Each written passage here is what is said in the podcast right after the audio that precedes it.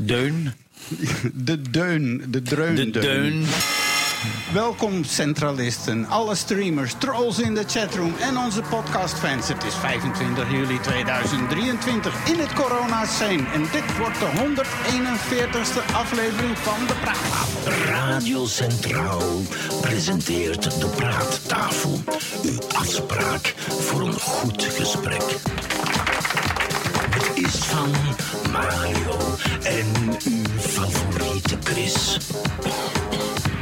Zeker weten, welkom allemaal. Het is dus inderdaad al aan het eind van de juli. De volgende wordt alweer in augustus. Kun je dat geloven, Chris? Kun jij dat nu geloven? Dat, dat staat eigenlijk in mijn tekst gewoon, Sebiet. Maar Ja. oké, ja, nee, het is moeilijk. Toch alweer een maand voorbij is het van. Het is een teaser voor de mensen, dat ze even blijven luisteren. Ja. Want dadelijk ga je even de hele rundown doen van wat het vandaag allemaal is. Maar in elk geval, mijn naam is Twan Lelucie. Ik bevind me in Oud-Bergen, aangehecht aan de stad Antwerpen. En we zitten in mijn studio en we zitten hier gezellig en we zitten hier oké. Welkom, zou ik zeggen. Ja, en uit Rotterdam ben ik er weer, Mario Reget. Eh, zoals van ouds, het is prachtig weer. Dat, en dat was, dan eindelijk hebben we weer een beetje zon. Want het was wel erg somber de laatste dagen, vind ik. Iedereen heeft, eh, eh, ja... Het is overal warm en te heet, maar hier is het alleen maar koud. En, maar ja, goed, oké. Het is zoals het is. Gelukkig maar. Ja. En, en uw favoriete Chris is er ondanks zijn vreselijk avontuur van deze week er ook bij. Want ik heb verschrikkelijke dingen meegemaakt. Is het van een Mario? Het is namelijk zo. Mijn, mijn, mijn scooter eh, is stuk gegaan in, in Antwerpen. En ik moest het openbaar vervoer nemen. En, en niet zomaar de metro. En, en dat is 30 jaar geleden. En ik heb hem genomen in de verkeerde richting. Oké, gaan we het dadelijk over hebben. Dadelijk, dadelijk. Alright. Oké. Eh, en dan zou ik nog even onze gast voorstellen. Sergej Lopushansky voor een tweede ronde. Je bent voor de return match weer aan tafel. Ja, hier ben ik weer. Inderdaad, Hey. hallo, ik ben Sergej, ik ben er terug. Eh, goedemorgen. Zeker weten. En ik wou even doorgeven dat de chatroom open is alweer. Je kan meedoen met ons. We zijn een interactief programma. We gaan het over veel dingen hebben. En als je enigszins mee wil praten daarover of meer wil weten... dan kom je naar praattafel.be, schuine streep, chat, C-H-A-T. Of gewoon naar onze site praattafel.be en dan op de rode knop drukken. Ik bedoel. En dan gezellig mee aan tafel. En straks om 12 uur, zeker met de quiz van onze favoriete Chris... kan je ongelooflijke prijzen winnen. En dan eh, willen we eens weten hoe het zit met vandaag, Chris. Hoe zit het met vandaag? Waar, waar zijn we nu bezig? Het is de 25e. Ja, het is de 206e dag van het jaar. En, en er moeten er nog 159 dagen gaan voor het einde te vieren. Maar er is ook van alles gebeurd vandaag in het jaar. Bijvoorbeeld in 1909. Louis Blériot vliegt als het eerst het kanaal over. Ja. En in 1978 Louis Brown, de eerste... De, de eerste wat is het van? Weet je dat, Louis Brown? Nee. De, Nee, Mario ook niet. Nochtans jouw afdeling. de, nou, de Eerste vrouw met, met, met, een. De, de eerste vrouw die wat? met een, die met een robothandprothese is, eh, werd uitgerust. Nee, bijna. Het was de eerste reageerbuisbaby die wordt Oké. Ja. En dan in het Russisch thema te blijven, 1984, de Russische cosmonauten Svelenta Savianska is de eerste vrouw die de ruimtewandeling maakt samen met Vladimir, eh, een naam die bijna uitspreekt, alleen maar klinkers, Gian Bekov. Gianni Bekov Je kunt werkte het zien, zeven je kunt het wel. Je kunt het wel. ja, lezen. ja, Serge Lupushansky. Ik heb een hele nacht geoefend. Serge. eh, Dat is echt dus eh, super werkte- raar. Dat zijn maar vier lettergrepen. Toch een hele nacht. Ongelooflijk. Ja, het- ja je moet iets doen s'nachts. Ik ben single, hè. je moet iets doen s'nachts. Ja. Ah, oké, Dus, ja. eh, ehm, dus- Ja. Svelana Svansjanka en Vladimir Jankibukov werkten dus 7 uur en 35 minuten buiten de Salyut 7 ruimtestation. En in 1985, Rock Hudson maakt bekend dat hij AIDS heeft.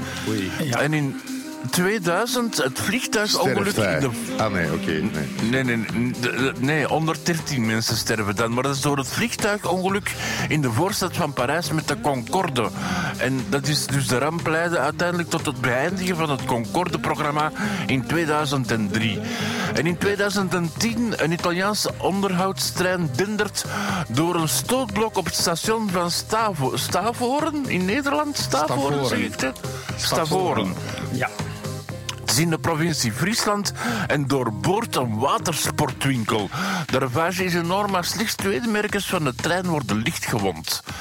Ehm dan, ja, wat vieren we deze week? Gisteren was het Roze Maandag. En dat is een van de vele homofeesten die ons tolerant land rijk is. Een Nederlandse site. Hè? Eh, naast Roze Zaterdag is Roze Maandag zowat de grootste feest waarin de LHTB-gemeenschap, de, de, ondertussen is dat LHTBQ++, Ja. Ja. eh, zich helemaal vogel, vogelvrij mag noemen. Voilà. Ja. Eh, vandaag is het de internationale dag van de solidariteit eh, met antifascistische gevangenen. Dus niet zomaar voor iedereen, het is voor de antifascistische gevangenen. Deze dag, die in 2014 is uitgeroepen tot de Dag van de Solidariteit met Jok Paul Freeman, een Australische man die in Bulgarije een straf van 20 jaar uitzit omdat hij twee Roma-mannen heeft verdedigd tegen een aanval van fascistische voetbalfanaten. Dus, dus toen is hij... eh. Het is ook de internationale dag ter voorkoming van verdrinking. Wat altijd goed is. Ja, mensen kunnen tegenwoordig zwemmen. Iedereen krijgt een beetje zwemles als de Nou. school het toelaat. Maar ondanks dat verdrinken er nog wereldwijd redelijk veel mensen. Dus Ja. daar wordt vandaag een beetje aan gedacht. Hoe kunnen we dat voorkomen? Eh, donderdag is het de dag van de animator.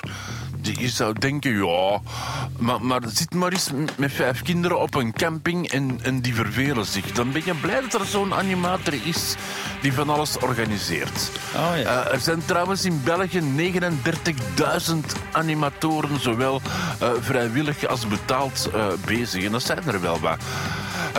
Vrijdag is de dag van de systeembeheerder. Toch wel een belangrijke job ook, hè? Systeembeheerder. Ah, en, het is ook, eh, ja, en het is ook de Wereldhepatitisdag dan. En zaterdag... Veren ze... ja, Oké, ja. Ja, het is niet grappig, hè? Maar Een mooie associatie. Dus, Er moet een correlatie zijn ergens. Ja. ja, als ik aan computers denk ik meteen aan hepatitis. Ja, oké. Voilà, oké. Ik krijg hepatitis bij mijn gesprekken met systeembeheerders. Dus ja, dat klopt. Ja. Zaterdag is het de internationale dag van de tijger. En, en zondag is het de internationale dag tegen mensenhandel en de internationale dag van de vriendschap. Dat gaat ook een beetje samen. Hè? Je kan met die mensenhandelaars dan vrienden... Ja, zwart.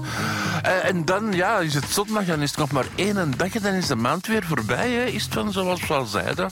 Ja, en dan beginnen we aan een hele verse. En dan kan je weer Ja. zeggen, kan je het al geloven dat we op de achtste maand bezig zijn? Enzovoort. Ja. Dus Is dat, doen jullie dat elke maand? Zo van, kunnen jullie dat geloven dat weer een maand gepasseerd is? Ja, Elke dat week. is zo'n beetje...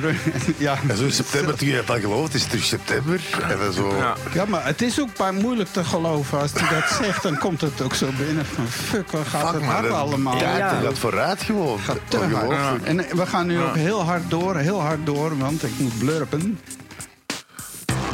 Deze dinsdag hebben we het in deze praattafel over wilde leeuwinnen in Berlijn en poepende mannen in Mallorca. Maar en poepen als in schijten, hè? want poepen hier in Vlaanderen betekent iets anders. Maar zeker ook met onze gast Sergej, die je al intussen gehoord hebt over het Eh, ik ijsje. heb nog dat- niet gepoept in Mallorca. Ik weet niet wat, eh, wat de opvolging was, maar uh, poep in Mallorca is niet voor mij. Maar dat is ja, inderdaad. Ja. Nee, nee, maar je, je hebt wel een ijsje wat jouw naam draagt. En, eh, en, Daar moest je en- wel poepen, dat klopt. Ja. Ja, en je hebt een hoofdrol in de nieuwe Mission Impossible film. Hoofdrol is vooruit Tom Cruise behaald. Eh, Ik had, ik had een klein rolletje. Ja. Alright, eh, maar in elk geval, dit is de 141ste praattafel. En ik wou zeggen van, eh oh, ik ben- ik ben ze weer kwijt allemaal. Ah, hier is die dan. Oké, eh, U luistert naar Radio Centraal op FM 106.7, DAB+ en livestream. Zeker. En ik wou nog één ding vragen. Als je dit eh, project van Radio Centraal een warm hart toedraagt... kom dan naar de website van radiocentraal.be... en eh, klik op de link en steun ons. Je kan steunlid worden door een eh, standaard overmaking... van 5 euro per maand of zo. En dat, is- wat is dat nou? Een, een Westmallet tegenwoordig is 5 euro. Dus voor de prijs van één biertje hou je het geluid van vrije radio... zonder reclames en Ja. met enorm veel karakter in de lucht. Dat wilde ik maar even En je zegt steun ons, maar het is de radio die Ja. je dan steunt. Hè? Ja. Het is het huis, het gebouw, de apparatuur, de zenders, de, de stoelen, de assenbakken, de blikjes bier in de, in de frigo. Ja. Die dingen dus eigenlijk. Ja, die blikjes bier weer niet. Hè. We moeten oppassen waar de mensen Nee. hun Oh zuur verdienen geld aan geven. Maar, Ja, maar in elk we zelf, maar de, de koelkast staat er wel. We moeten zelf de blikjes bier meebrengen. Zo wou Ja. ik het eigenlijk zeggen. Ja. Maar eh, aan tafel, dus Sergej, eh, het is even geleden. Je was erbij toen Yep. in eh, Centraal. Maar nu zijn we tien shows verder. En hoe is het met jou? Ja, goed hè. Alles gaat, alles gaat vlotjes. Alles is top. Ik ben eh, juist eh, een maandje vrij van de comedy aan het nemen. Eh, het is even zomerstop. Dus gaat dat? Ja, dat gaat zeker hè. Ik denk dat dat zoiets heel verslavend is. eh. Ja, nee, maar het, het is twee jaar heel veel optredens geweest. En nu heb ik gewoon eventjes zomervakantie. Even een beetje rust. Ben je dan een maand niet grappig, Sergej? Eh, ja. Je weet wat dat is, ja. eh, Chris. Maar... U de verkeerde maand uitgenodigd eigenlijk. Maar oké, zo. Nee, maar dat is goed. Ik, eh, ik, ik, af en toe is het goed om een paar eh, weekjes gewoon even rust te nemen en een paar nieuwe grapjes te bedenken. Ah ja, dat is Eh, afstand nemen. Hè? Een Ja. beetje eh, afstand nemen, zodat je naar jezelf kan kijken. Ja. Eh, je bent dus kennelijk actief op de markt van de figuranten, de extra's of zo? Eh, nope. Ik ben eh, geen figurant, ik ben eh, acteur. Ik ben Ja. er een klein beetje trots op. Eh, dus ik ben ook niet als figurant geweest naar eh, Mission Impossible. Ik was als acteur geboekt. Eh, Oké, wauw. En dus het was wel een kleinere rol dan verwacht. Eh, Maar dat is wel een onderdeel van Mission Impossible. Zij werken niet met figuranten. Dus al, is u, al heb je de kleinste rol ooit, het is altijd een acteur dat ze ervoor kiezen. En je wordt scale betaald, zeg maar. En je wordt, je wordt uiteraard naar, naar maatstaven betaald. Dus dat ah, is wel ja. goed. Ah, oké. Heb ik het juist gelezen, Sergej, dat je daar ontslag hebt voor genomen om dat te kunnen doen? Ja, inderdaad, klopt. Eh, vorig jaar zat ik nog te werken als een eh, eh, systeembeheerder. Haha, grapje. Even Ah, Een Ah, admin. admin. Aha. Ik was IT-consultant in een ziekenhuis in Brussel. eh, en eh, ik kreeg die aanbod. En ik moest echt wel dag erop vertrekken. En eerst heb ik gewoon een weekje vakantie genomen. Want ik wou wel terug naar de job. En dan bleek het dat ik zou waarschijnlijk toch wel een paar maanden heen en weer moeten gaan. En dan dacht ik, ja, ik kan even goed gewoon stoppen. Eh, als ook, ik deed die job niet echt zo graag. Dus stoppen was echt een, een godsgeschenk. Ja, dat is, soms moet je Een inderdaad... paar maand Ja, ben- over een weer vliegen, zei je? Ja, ik ben al vier keer heen en weer geweest over eh, het loop van 2,5 maand. Voor die film. En hoe lang kom je in beeld? Ongeveer drie seconden, vier seconden. Oorspronkelijk was de scène ongeveer 15 minuten. Maar in de montagetafel is er maar vijf minuten van overgebleven.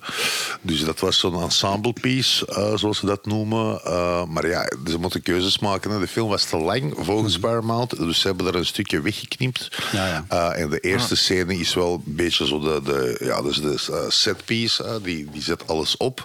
En die moet snel vooruit gaan. Ja, ja. Dus ik, ik ben nog drie, vier seconden in beeld. Uh, andere acteurs dat er mee waren voor dezelfde periode uh, zijn gewoon verdwenen. Oké. Uh, dus dat, uh, dat kun je ook voor hebben. Jij had er toch het sterkste uiterlijk misschien op de montagetafel. In ja, de, keep in, de him, hoek, keep in, him. in de hoek van de kamer heb ik zeker. dat, uh, Ja, had je ook wat tekst of dat niet? ik, had, uh, ik had twee zinnetjes, uh, maar ja, die zijn wegen. Ja. Maar ze nemen... de zinnen? Uh, zinnen dat ik toen zei. uh. maar, want je hebt, een, uh, je hebt een NDA, dat is een uh, non-disclosure agreement moeten tekenen. Ja. Dat is een geheimhoudingsverklaring. Dat En, is een en dat was twee velletjes of zo, dat was een simpel dat was ding. 80 pagina's. Uh, 80 pagina's tekst. Elke pagina drie paragrafen. Drie paragrafen liever, die getekend. Dus het is wel iets, iets serieus waar niet mee gelachen wordt bij die mensen. Ik moest er ook een heel jaar uiteraard over zwijgen. Ik mag geen spoilers geven. Ik moet erover zwijgen in perpetuity, zoals het staat. Mhm. Uh, want ja, dat is natuurlijk een uh, miljoenen firma. Uh, die film, uh, ja, wel, het budget was 280 miljoen. Eh, ze hebben nu, denk ik, op de eerste, op de eerste weekend 255 gemaakt. Eh, zowel gross als worldwide, eh, zoals ze dat zeggen. En eh, ik denk ze er wel makkelijk... allee, misschien gaan ze een biljoen wel halen, maar dat, dat, dat, is- dat weten we nog niet. Maar het is wel, ja, zoals ik altijd zeg, zo werd het mij uitgelegd. En, eh, en een film is de, meest, is de beste investeringsbank ter wereld. Want nergens heb je een eh, ROI zo groot als eh, bij een film. Zo, ja, je investeert en binnen Cruise? twee jaar terug Heb je Tom Cruise ontmoet? Ik heb Tom Cruise één keer van dichtbij gezien, ja. Gewoon Ja, ik- gezien. Niet gewaaid, geknuffeld of zo. Gewoon Eh, gezien. we Selfie, elkaar eh, geen selfies gevraagd. eh, ik heb niet eh, aan zijn haar getrokken. eh, nee, ik ben eh, Ja, je viel ineens helemaal stil geweest. en ademloos en je bevroren helemaal in het bijzijn van een godheid. Ja, zoiets. zoiets. Want hij krijgt enorm veel respect omdat hij al die stunts doet die hij zelf allemaal. Hè. Je hebt het met die motorfiets eh, van die ding af. En dat doet hij dan zeven keer. Want hij kan dan dat ding nog iets langer vasthouden. En die, en die gebroken voet. Ik heb die scène gezien dat hij van het ene gebouw op het andere. En, en die breekt dus zijn voet. Je ziet het.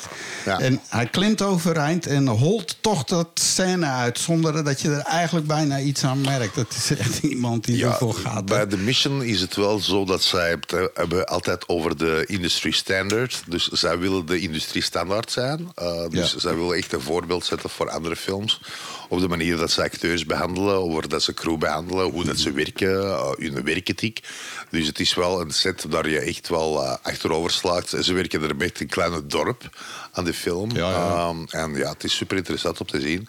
En Tom Cruise, uiteraard respect, niet enkel als acteur en als een uh, waaghals, uh, maar ook als werkgever. Want hij is wel executive producer van de film. Ja, het is zijn geld. Dus het is zijn geld, ja. Ja, ja. Hey, maar eh, ja, en dan is er nu in Amerika speelt, eh, daar heeft iedereen wel van gehoord. Die stakingen, eerst waren het alle schrijvers. Hè, dus de Writers Guild of America legden het werk neer. Dus meteen ook geen eh, late night shows meer. En eh, Jimmy Fallon, iedereen zit thuis eh, met zijn vingers te draaien. Ook de Daily Show, alle, alles stopt dan. nu zijn ook de acteurs en de extra's. Want wat ik hoorde, dat in Amerika noemen ze dan figuranten extra's. hè? Dus in elke, elke tv-serie, in een rechtszaal, een schoolklas, in een winkelcentrum. Alles en iedereen die je daar ziet zijn extra's. Dat is nooit zomaar op straat en dan met toevallige voorbijgangers. Dat is allemaal gepland en uitgezocht. Maar die hebben ze eigenlijk samengevoegd met de Acteursbond.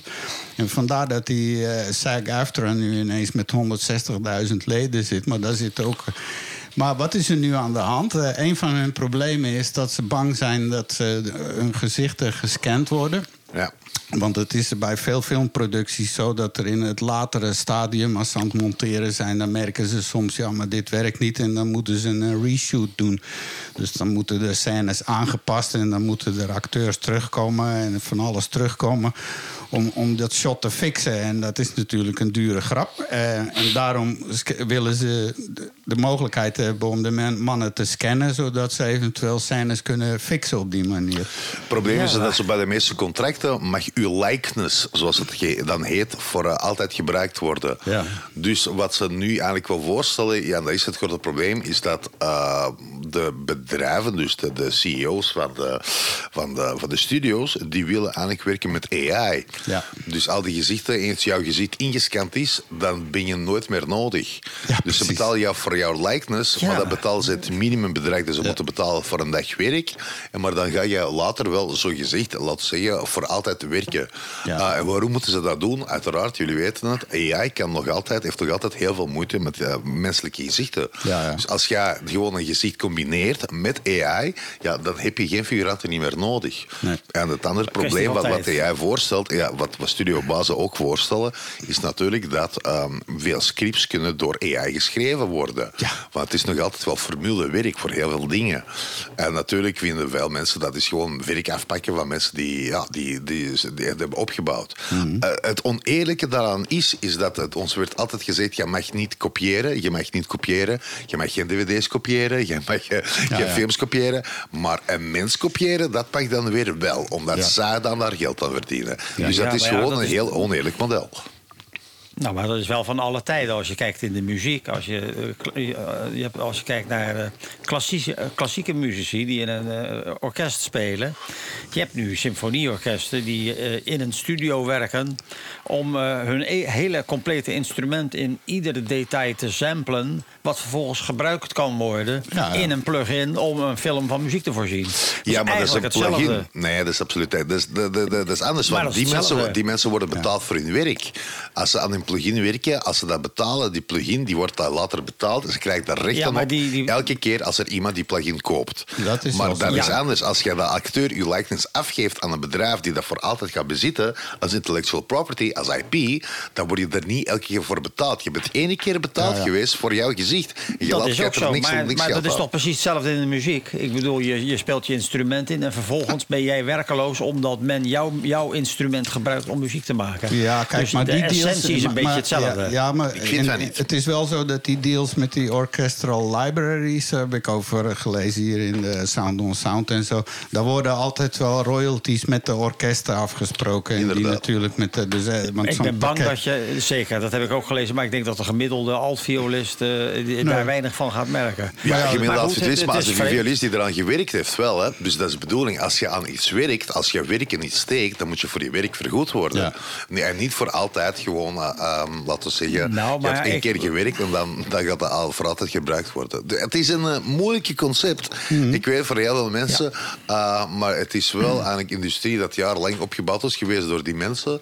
En nu, omdat AI, laten we zeggen, maar twee, drie jaar even aan het boomen is, eh, iedereen af te schrijven, zoals je zei, 160 mensen, 160.000 mensen in de Verenigde Staten bijvoorbeeld. Het niet vergeten dat we ook heel veel figuranten hebben hier in Vlaanderen. En Vlaanderen figureren, dat is, eh, dat is een ramp. Hè. Die mensen worden betaald 25 euro per dag. Ze zijn soms tot 12 uur aanwezig op de Ja. set. En als je moet weten, de figuranten, dat is de meest ondenkbare job in de wereld. En zo- die, mensen Ja. die, die mensen die dat hier doen, ja, dat is, eh, dat is, dat is zou echt een serie over kunnen gemaakt worden. Het is, als je bij de figuranten moet gaan zitten, en daar had ik niemand toe, eh, dat is echt wel een heel droevige dag. Ja, ja. Dat is een heel, die krijgen broodjes en die kijken elkaar diep in de ogen en ze dromen van betere dagen. En die komen er niet. Die komen er niet. Maar ehm Nee. snap je, die mensen moeten ook vergoed worden. Ja. En waarom zoveel Zo, Vlaamse ja. series zo slecht zijn, is omdat de production, is heel laag. Dus ze geven heel weinig geld aan de figuratie. En dan krijg je heel veel mensen die, ja, laten we zeggen, eh, zodra ze eh, bewijs hebben dat hun IQ boven de 80 ligt en dan eh, toch wel niet moeten werken, dan gaan ze figureren. En dan krijg je een heel bepaalde segment van de bevolking dat aan het figureren is. Het is niet altijd heel positief. Ik zal het gewoon heel eerlijk Nee. zijn. Maar er Nou, is wel- sterker nog, Iets van en ik hebben dat een keertje gedaan, zo uit de balorigheid. Weet je er nog iets van? Ja, ik ben in- in- een nou? aflevering van Thuis of zo, of Ja. eh, familie. Nee, de en ik had zelfs een tekstje van Ja, die ook. klootzakken kunnen niet eens scoren. Je had zelfs tekst. Dat- Dat is, als je één zin hebt, dat is één figuratie, basically. Ja. Dan had je meer moeten betaald worden. Laat mij eens vragen, hadden een paar hoeveel, Nederlanders nodig. Hoeveel geld ben je nog betaald geweest? Ja, hey, maar er is nu dus een eh, idee. Dat is wel de. Welk nog eens? Hoeveel- Hoeveel ben je betaald geweest? Ja, dat, weet, dat, dat was nog in Dat ben ik Frankrijk. ook niet meer. Maar frank, maar is dat 100 frank, 200 frank? Nee, nee, dat Nee, was toch wel, eh, dat was misschien toch wel een 100 gulden achtig, 2000 frank. of zo. 2000 Maar frank, het was inderdaad. zoiets. Het was Oké. eh, Het was inderdaad, ze hadden even twee Nederlanders nodig. En wij waren toevallig in de buurt, dus ze moesten even echt Rotterdams horen. Ah ja, Dus, dus ja. dat, dat wilden ze wel betalen. Oké, goed, ja. Ja, maar ja, nu, eh, wat, wat er eh, eh, ontstaan is, er, ik heb dus in een podcast gehoord, dat is een, eh, een briljant. de- Ik hoorde een verhaal over iemand die dus een briljant idee had in Hollywood. Dat is een zakenman die in die filmbusiness zit. Want ja, nu moeten extra's die worden betaald hè, dus om te figureren enzovoort. Hij, hij zag nu die staking. Hij zegt: Wacht even, ik heb de oplossing. Er zijn duizenden mensen die graag zichzelf in een film zouden zien. Gewoon als figurant. Ja. Hij zegt van, je komt naar mijn studio, ik scan jou in, jij betaalt mij 250 dollar en iemand wordt dan helemaal ingescand. Dan krijgt hij dus een mailtje van, ah, je gaat in die film verschijnen op die minuut en eh, je gaat in die film verschijnen. Dus op die manier kunnen mensen zich laten scannen en die gasten kunnen dat dan opplakken en zo wordt het Ja. omgedraaid. Ben je bekend met het concept speculeren? Want dat is wat deze is. Hè. Dat is letterlijk speculeren is en winst maken. En winst maken van een slechte situatie. Ja. Eh, ja, maar moet je zelf afvragen hoe Is gewetenloos dat is. Dat is, dat Sorry, Chris? Wil je dat Maar wel doen? het- het-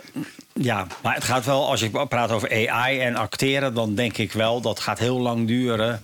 eh, eh, eer, eer een AI een acteur kan vervangen. Maar ja, dat maar is niet het, helemaal waar. het Dus- gaat om figurant. Neem Ja, nee, dat weet ik, dat weet ik. rechtszaalscène, Er Eh, zitten ja, nee, twintig dat ik. mensen achter in de Ik zaal. begrijp wel wat je zegt. Ja, je moet ook rekening mee houden dat in principe wat nu al kan gebeuren, bijvoorbeeld met Adobe Premiere doen ze dat, eh, en met andere, met andere zeggen, programma's is het mogelijk, is dat je bijvoorbeeld deepfakes kunt maken. Ja. Dat ken je wel, inderdaad. Maar dat is een deepfake, die dan, dan heb je iemand zijn gezicht en dan acteert iemand anders. Ja, ja. Snap je? Dus de gezichtstrekken Ja, die ja, gaan is- over met een ander gezicht. Dus in principe, jij kunt het wel effectief doen met één acteur en dan 200 man eh, verschillende gezichten gebruiken. Je betaalt maar één acteur. Ja, ze doen ook nu met verjonging en zo. Ja, het is, want, eh, maar ik dus- bedoel, Ja. kwestie Ja. van Ja. het aantal, een aantal mensen aan wie je geld moet. Hè. Het is puur een financiële kwestie, uiteraard. Het gaat puur om dat feit dat studios willen meer geld verdienen. Maar de CEO's willen meer geld. Dus ze willen niet minder Ja. mensen betalen. En dat gaat puur daarom. Hè. Het, is, het is gewoon. Ja, nou, het is en ik denk ook dat, dat het, als, als je kijkt naar hoe, moeilijk is zoiets. Je hebt natuurlijk uh,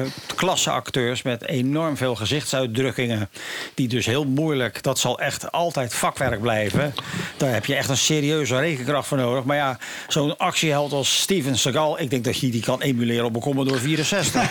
Ja, maar dat is ook wel het is interessant als je dan opmerkt van daar is heel veel over te zeggen over eh, veel gezichtsuitdrukkingen. Eigenlijk de meest bekende acteurs, als je erop let, ze, ze bewegen heel weinig met hun gezicht.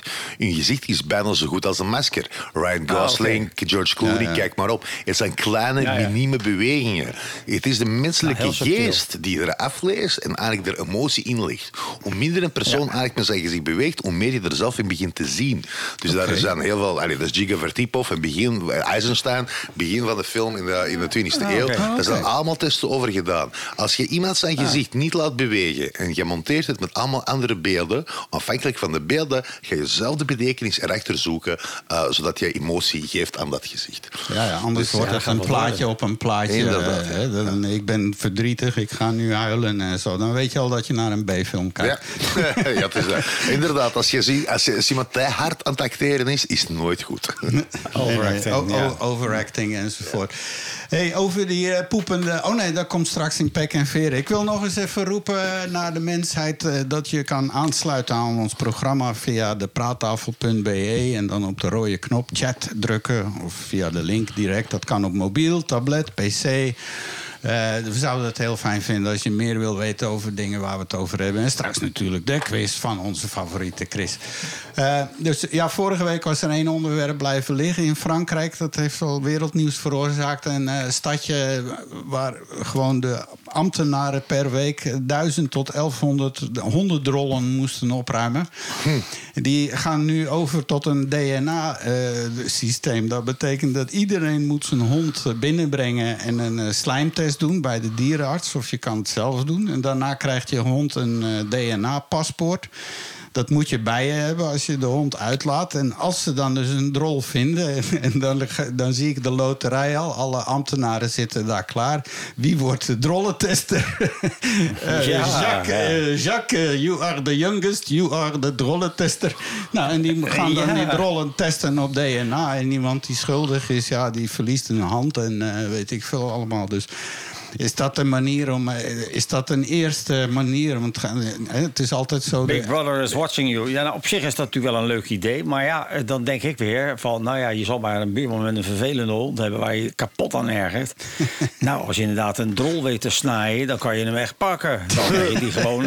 ja, Toch? Dan kan je, ja, Ja. Als je dan op de stoep van het stadhuis legt... dan, dan dat is een... Ja, dus het, het heeft ook nadelen, denk Is ik. dat, is Maar dat dan het is wel een leuk ja. idee. Is dat een type stad zoals Knokke, die Beziers? Die Beziers, die Franse stad? Ja, het was een, het was een niet te grote stad. En die burgemeester is ook verkozen op dat ticket. Hij heeft ook gezegd... Op, dat, op ticket is hij Ja, verkozen. omdat de, hele inderdaad. stad, de hele stad werd gek. Dus ik weet niet waar ze daar... Hoeveel drollen zijn er dan? Jezus, man. Het een Dus, hond, eh, die één hond met diarree en die kijkt heel stand rond gewoon. Ja, ik weet niet Ja, maar, en er zit ook, een, er zit ook heel veel verschil in. Want als je kijkt naar eh, het verschil tussen een chihuahua en een Ierse wolfshond. Ja. Nou, eh, en ze betalen allebei hetzelfde, maar ze betalen niet per kilo poep eh, of zo. Nee.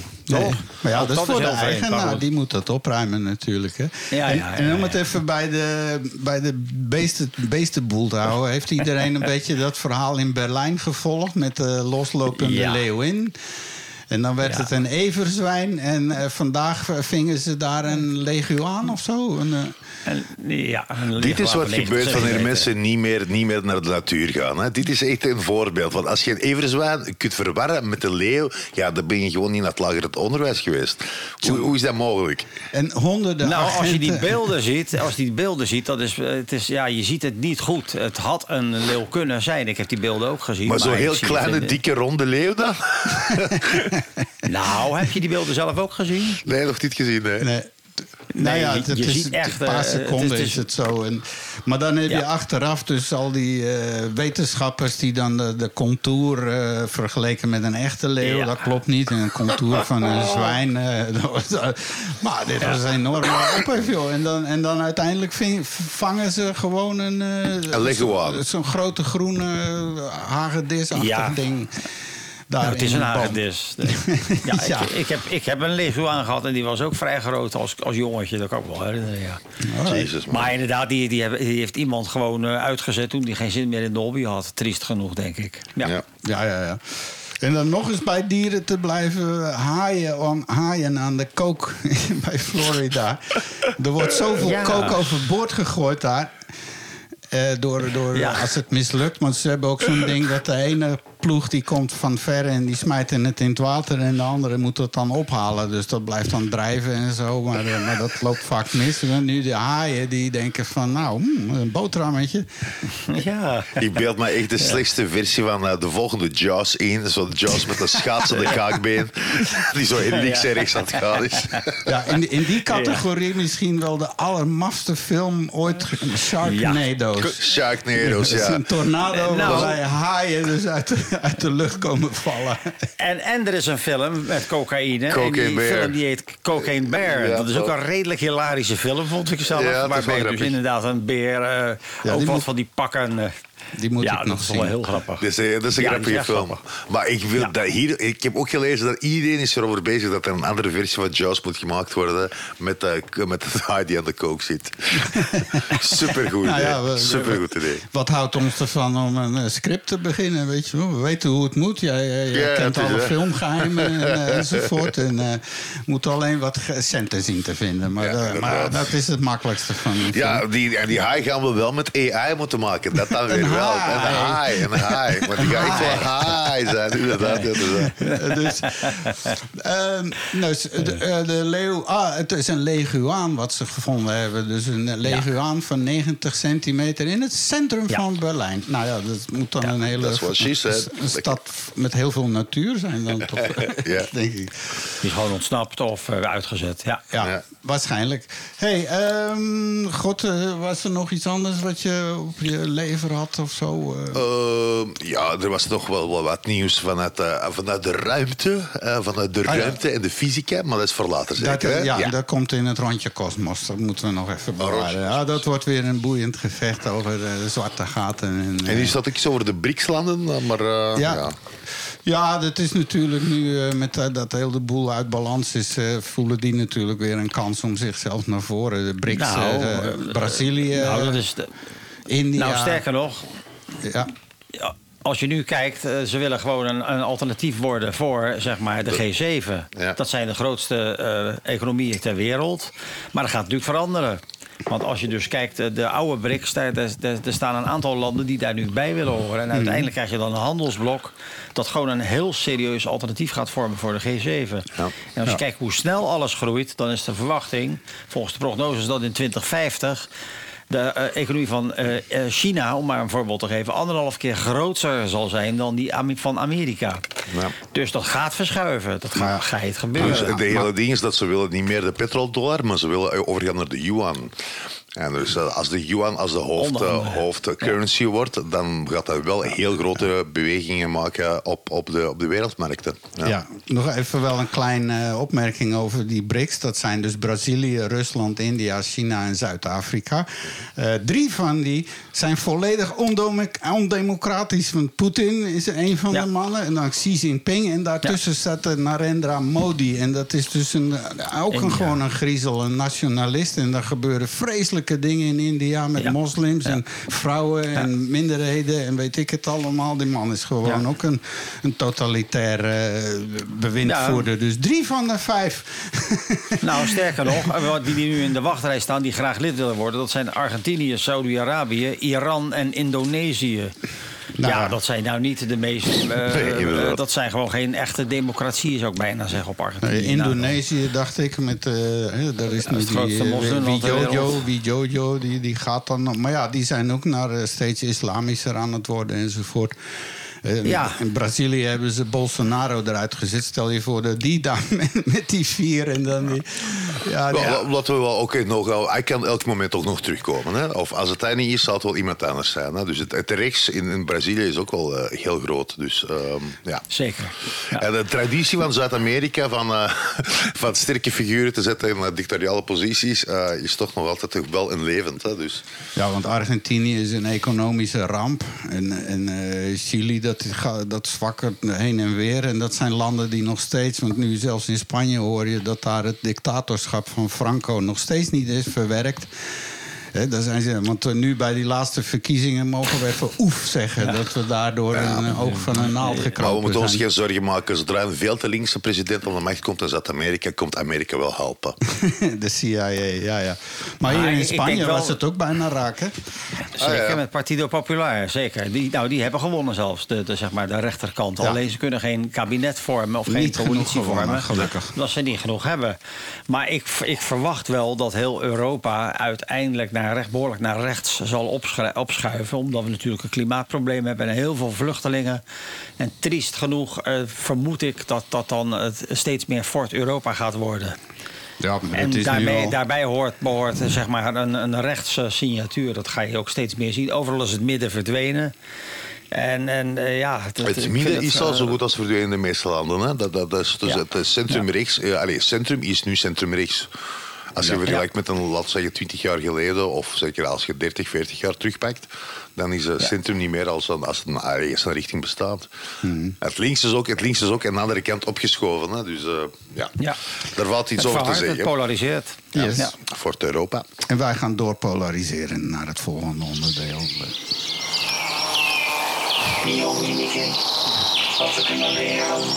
Dat is, dat is zo slim zo, rustig muziekje. Ja, dit is Mario's stukje, dus als je wil smoren, dan grijp je kans. Iedereen wel je koptelefoon af voordat je- even- nog even een uitsmijtertje, want Mario gaat zijn stukje doen. Nou, hey, geniet ervan. ja, hij zit hier al met zijn sigaretje klaar. En Ja, ja, van, nou, oké, nou ja. Geef hem man. Go ahead. Nou ja, kijk, eh, ja, nou, waar ik het over wilde hebben, biomimicry. Wat kunnen we leren van de natuur? Eh, dat, dat is een beetje de insteek. Want we halen heel veel, kunnen we zelf ontwerpen. Maar over het algemeen is de natuur veel slimmer dan dat wij zelf zijn. Eh, en ik wil het gaan hebben over windmolens. Als we bij, vogeltjes kijken, ik heb het een tijdje geleden gehad over de ijsvogel. Misschien kunnen, kan de trouwe luisteraar zich dat nog herinneren. Toen, eh, dan- toen, ging, toen ging het over het feit dat dat ijsvogeltje in het water plonst zonder een waarneembare rimpel. Eh, en aan de hand van zeg maar, de, de- die bek is dus die bullet train ontworpen. De neus van de bullet train in Japan. Daar heb ik een tijdje geleden over gehad. Ja. Maar wat gebeurt er dan? Eh, hij duikt het water in en dat eh, is een fenomeen waarom er eigenlijk bijna geen water, eh, waar je geen, geen rimpels ziet. Dat noemen ze depe- time-dependent energy transfer. Dat is interessant. Ik wilde het over esdoornzaadjes hebben. Die kennen we ook allemaal. Als zo'n esdorm in, in, de, in bloei staat, dan laat hij zijn zaden vallen. En dat zijn net kleine helikoptertjes. Heb je die dingen wel eens ja, gezien? ja, ja, dat kennen we allemaal. Ja, dat is een heel interessant. eh, Het, is een, het volgt een patroon met eh, de minste weerstand, waarbij het zijn eigen kegelhoek volgt. Waardoor dat zaadje, als het ware, met turbulentie en dergelijke, en heel lang in de lucht kan blijven. Waardoor hij zich behoorlijk ver van die boom kan verspreiden. Want dat is dus de, daarom eh, doet hij dat eigenlijk. Gaan we naar, de, naar dan gaan we nu naar de, de windturbines, de, de windmolens die we overal zien staan. Eh, er is een powercone ontworpen die gebaseerd is op eh, de, ijsvogel en, die, en dat esdoornzaadje. Ja. Want eh, die powercone is een probleem. want als je een, tenminste, een, een- windturbine heeft een probleem dat die bladen die verzetten wel veel energie. Maar die konus in het midden. Ja, dat, dat is een probleem. Die, eh, die, die doet niet, eigenlijk niet mee aan het hele gebeuren. En het werkt ook tegen. Dat noemen ze aslekkage. Dat is in het hart van die windturbine. Rond de naaf ontwikkelt zich een laagdrukgebied. En wordt er geen stroom, daar wordt ook geen stroom geproduceerd. Terwijl dat, eh, bij de rest van die bladen heb je natuurlijk wel dat hoge drukgebied. Eh, er ontstaat daardoor een drukverschil en dat zuigt extra kracht weg van de bladen en zorgt voor onnodige turbulentie. Nou, wat, wat is dan nu de oplossing? De powercone. Dat is een retrofit voor windturbines, dus je kan het over alle oude mug heen zetten. Die werkt door de binnenkomende wind naar de bladen te kanaliseren en die aslekkage aan te pakken. Eh, terwijl dus er meer stroom, waardoor er meer stroom naar die buitenste delen van de turbine wordt geleid. Hij, dus die powercone wordt rechtstreeks op die naaf gezet. Die draait mee met de rotor, waardoor deze dus meer van de wind kan opvangen. En het herverdeelt de wind op een unieke manier om de prestaties eh, te verbeteren. Oké. De inschakelsnelheid te verladen, het koppel te verhogen, bla bla bla. Het wordt steeds slimmer en slimmer.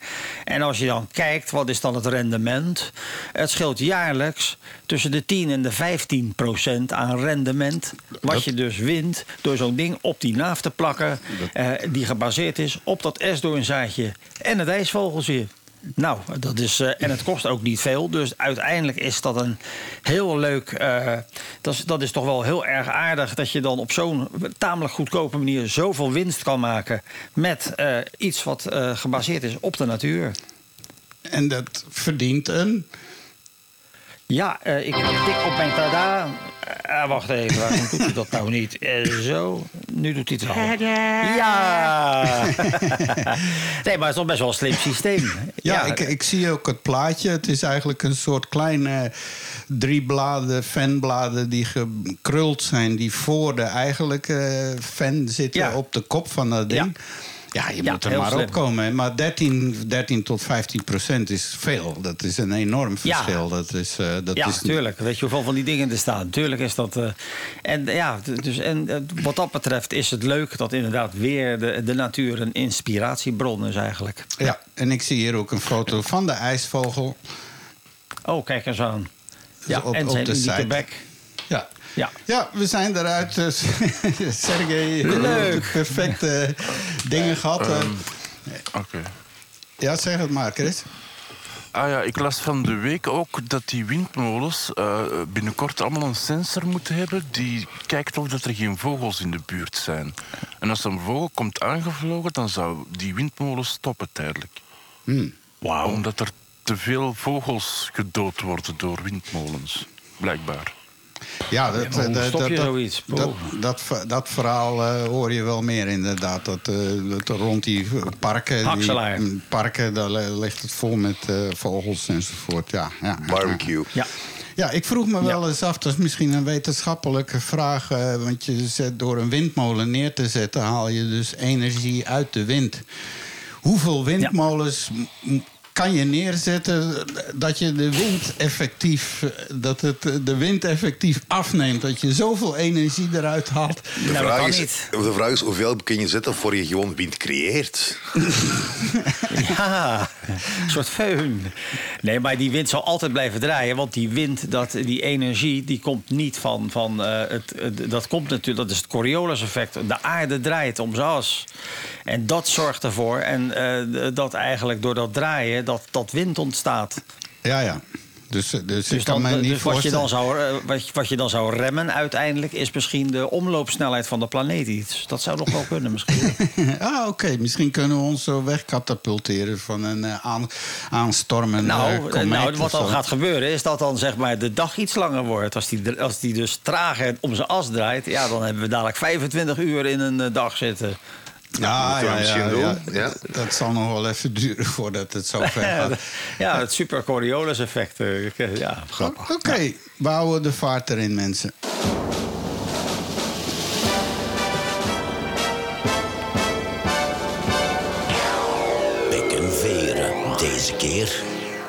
Eh, iemand op Mallorca en eh, Nederlanders zijn daar niet meer welkom. kennelijk. Ze- Er Ja. is één iemand, vaak is maar Terecht. van één iemand één handeling nodig. En tegenwoordig met social media, eh, daar moeten we het straks ook Ja. even over hebben. Ehm, op Mallorca heeft een Nederlandse toerist, die had denk ik wel een drankje op. En die was met een paar vrienden en hij vond niks leuker dan iemand die lag te slapen op zo'n bankje aan de boulevard. Om daar boven met zijn gat te hangen, de broek te laten zakken en op de mans gezicht te kakken. En dan onder, eh, onder leuke uitroepen van de mannen daaromheen. Ah, grap, enzovoort, enzovoort. Ja, Walgelijk. Ja. En de- dat is redelijk walgelijk. en ja, zou het op eh, zo in het nieuws gekomen zijn Doodstraf, zonder die video? Doodstraf. Doodstraf. Doodstraf Ja, terug invoeren, dat is de oplossing. Ja, ja, ja.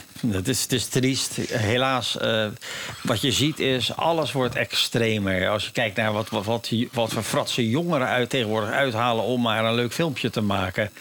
Eh, ik vraag me af, daar daar zullen wel de nodige doden bij gevallen zijn... Ik- om ik maar denk, dat unieke ja. beeldje te maken. Maar ik denk wel En dat dit er wel... is ook weer ja, zo'n ding.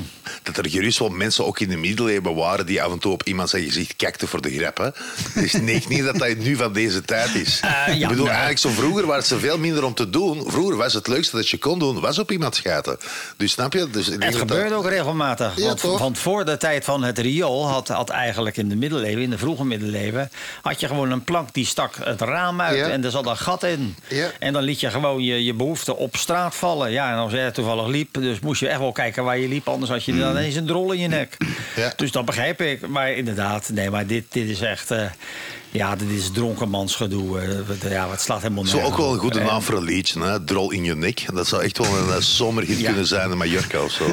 Een drol in je nek. Ja, hier zit- hier zit het Een gebeuren. drol in je nek. Mario, werk straks. Ja, hè? ja. ja. Maar, maar in een bredere zin, wat je nu merkt, het begon met Venetië een paar jaar geleden, die, die dromme toeristen zat waren. Nu in Amsterdam zijn ze een eh, campagne begonnen om eh, Britten vooral thuis te houden, want die konden er ook wat van. Hè.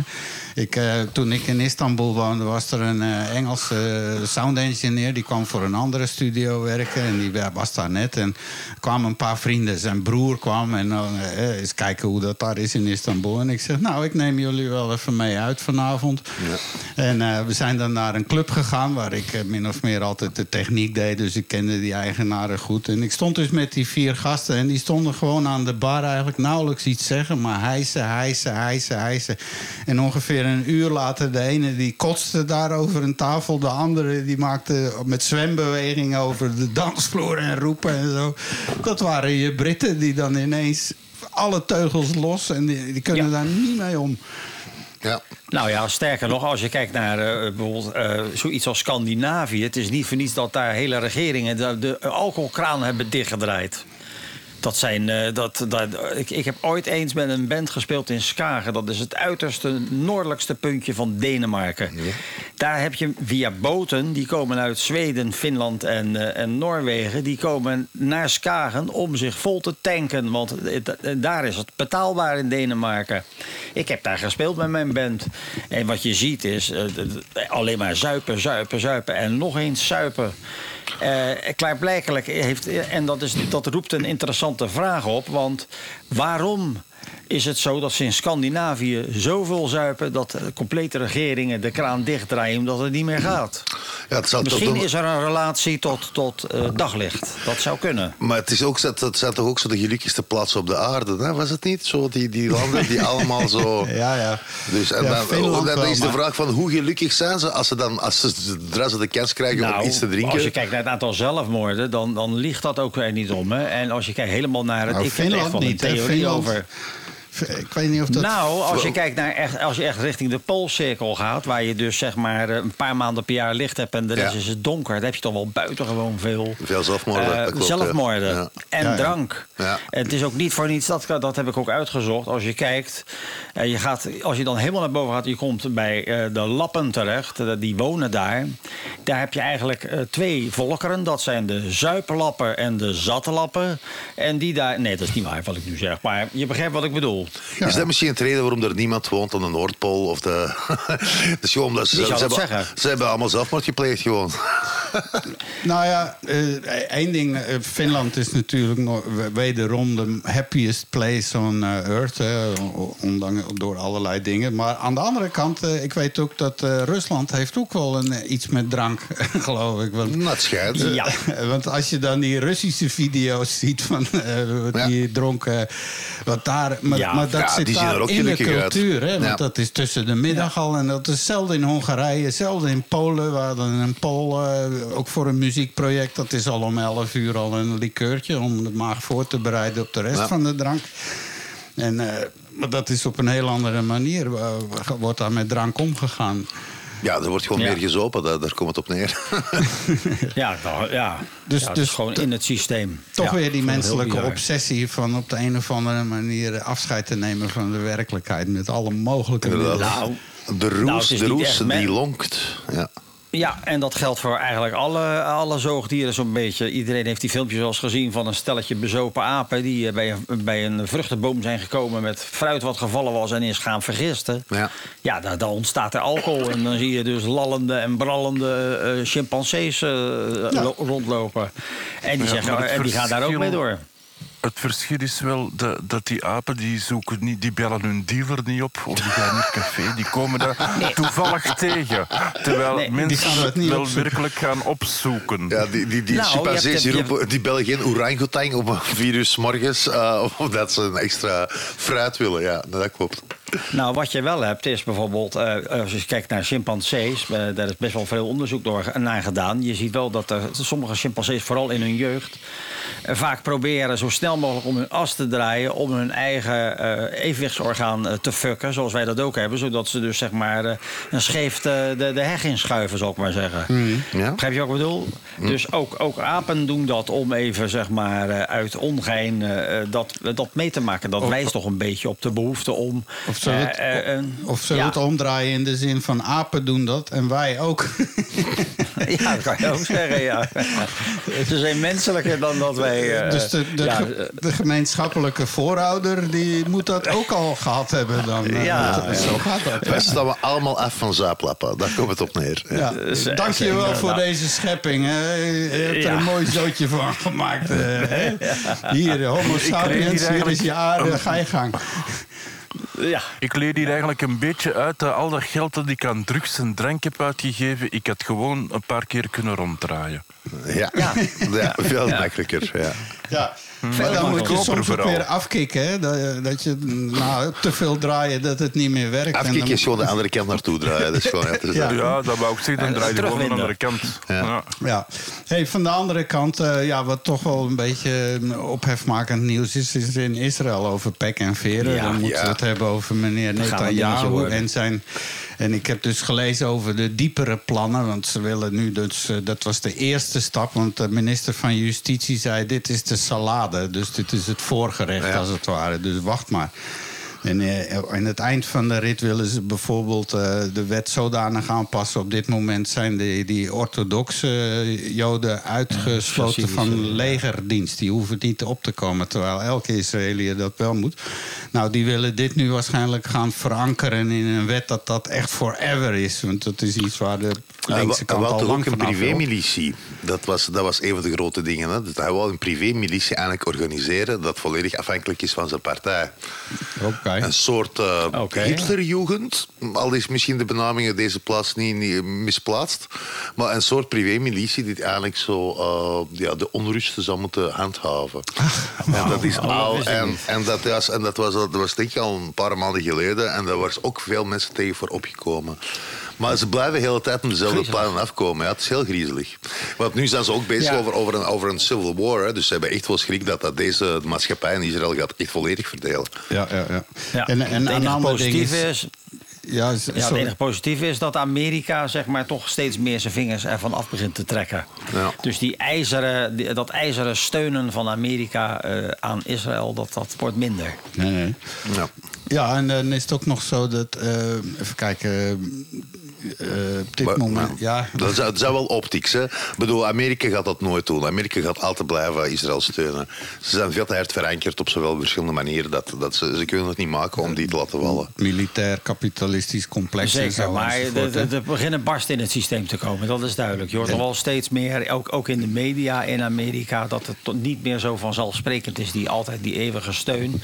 En, en ja, steeds meer mensen zien ook dat, dat, er, dat in Israël... er moet gewoon een, een twee-staten-oplossing moeten ze voor kiezen... want dat gaat nooit goed komen daar. Nooit. Ja. Ja, en dan gaan Eh, er ook dus de- stemmen op de, de ene meneer Yigal Amir.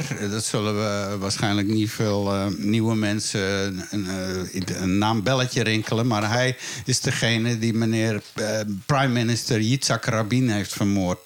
Dat was al dan een keer. Ja. Ja. En, eh, Nee, ja, ik weet niet wanneer dat was. Maar die wordt dus nog steeds door die orthodoxe kant als een held gezien, weet je wel? Tuurlijk. En, en, en dus het Griezelig. volgende wat ze ook nog willen is dat hij weer vrijgelaten wordt. Die zit opgesloten levenslang.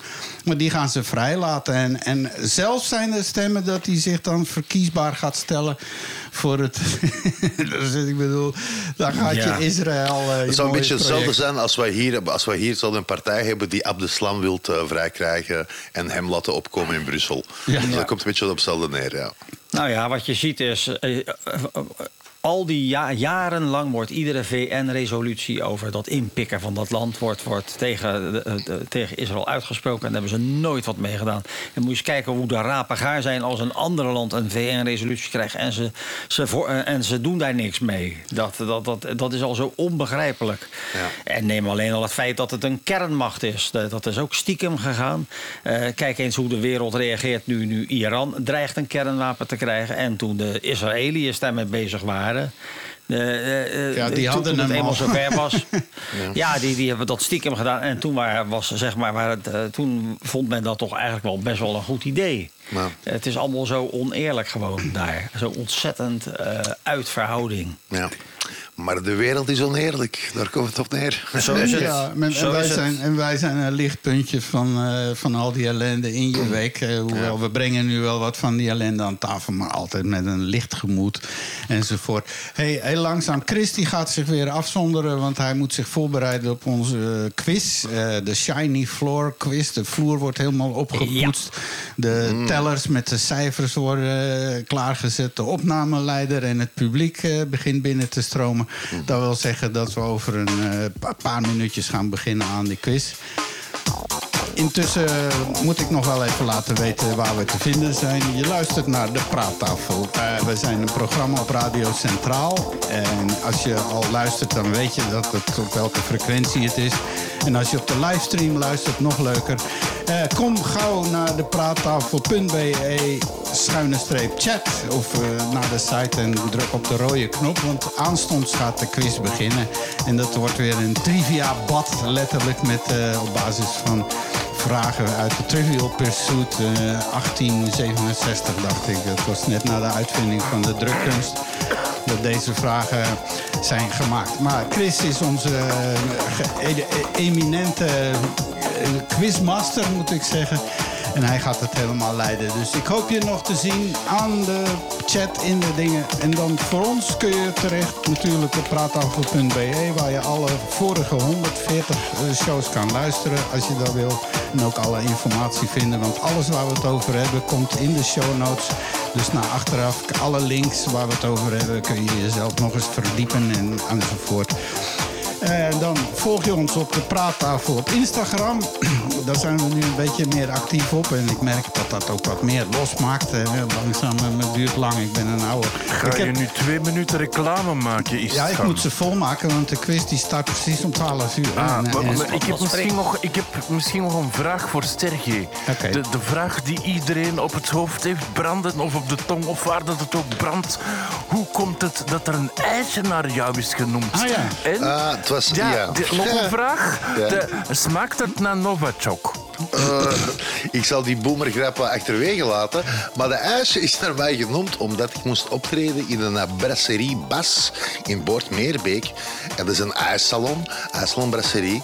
En om reclame te maken hadden ze een, eh, een eh, strawberry vodka ice cream gemaakt. Vodka is hier het sleutelwoord. Uiteraard, dus uiteraard, van alle stereotypes moeten toch. Ja, dus. Iedereen Ja, terug ja, ja. gelukkig. En, en dus dat hebben ze dan, eh, dan voor die optreden eh, naar mij genoemd. eh, zo om reclame te maken. Dus het is niet dat dat op de markt komt of zo, maar eh, het was wel gezellig. En het was een lekker ijsje, het is een lekker smaakje. Ik kan het alleen aanraden. IJsbrasserie Bas in Boortmeerbeek, allen daarheen. Ja, we zetten de link in de show en we worden niet financieel ondersteund of zo. Dus we, Nee. we accepteren. Nou, misschien als ze een ijsje sturen. Als, als ze een potje ijs sturen, dat zal zeker welkom zijn, denk ik. Hè? Ja, toch? O- Of als ze een ijsje de praattafel noemen. Dat zou ook een. Dat is met, met Oh, kaas en, en Heineken. De kaas en de Heineken, ja. Ja, worsten. individueel. De East van augurk, de, de, de, Ja, de paprika. Met paprika natuurlijk. Ja.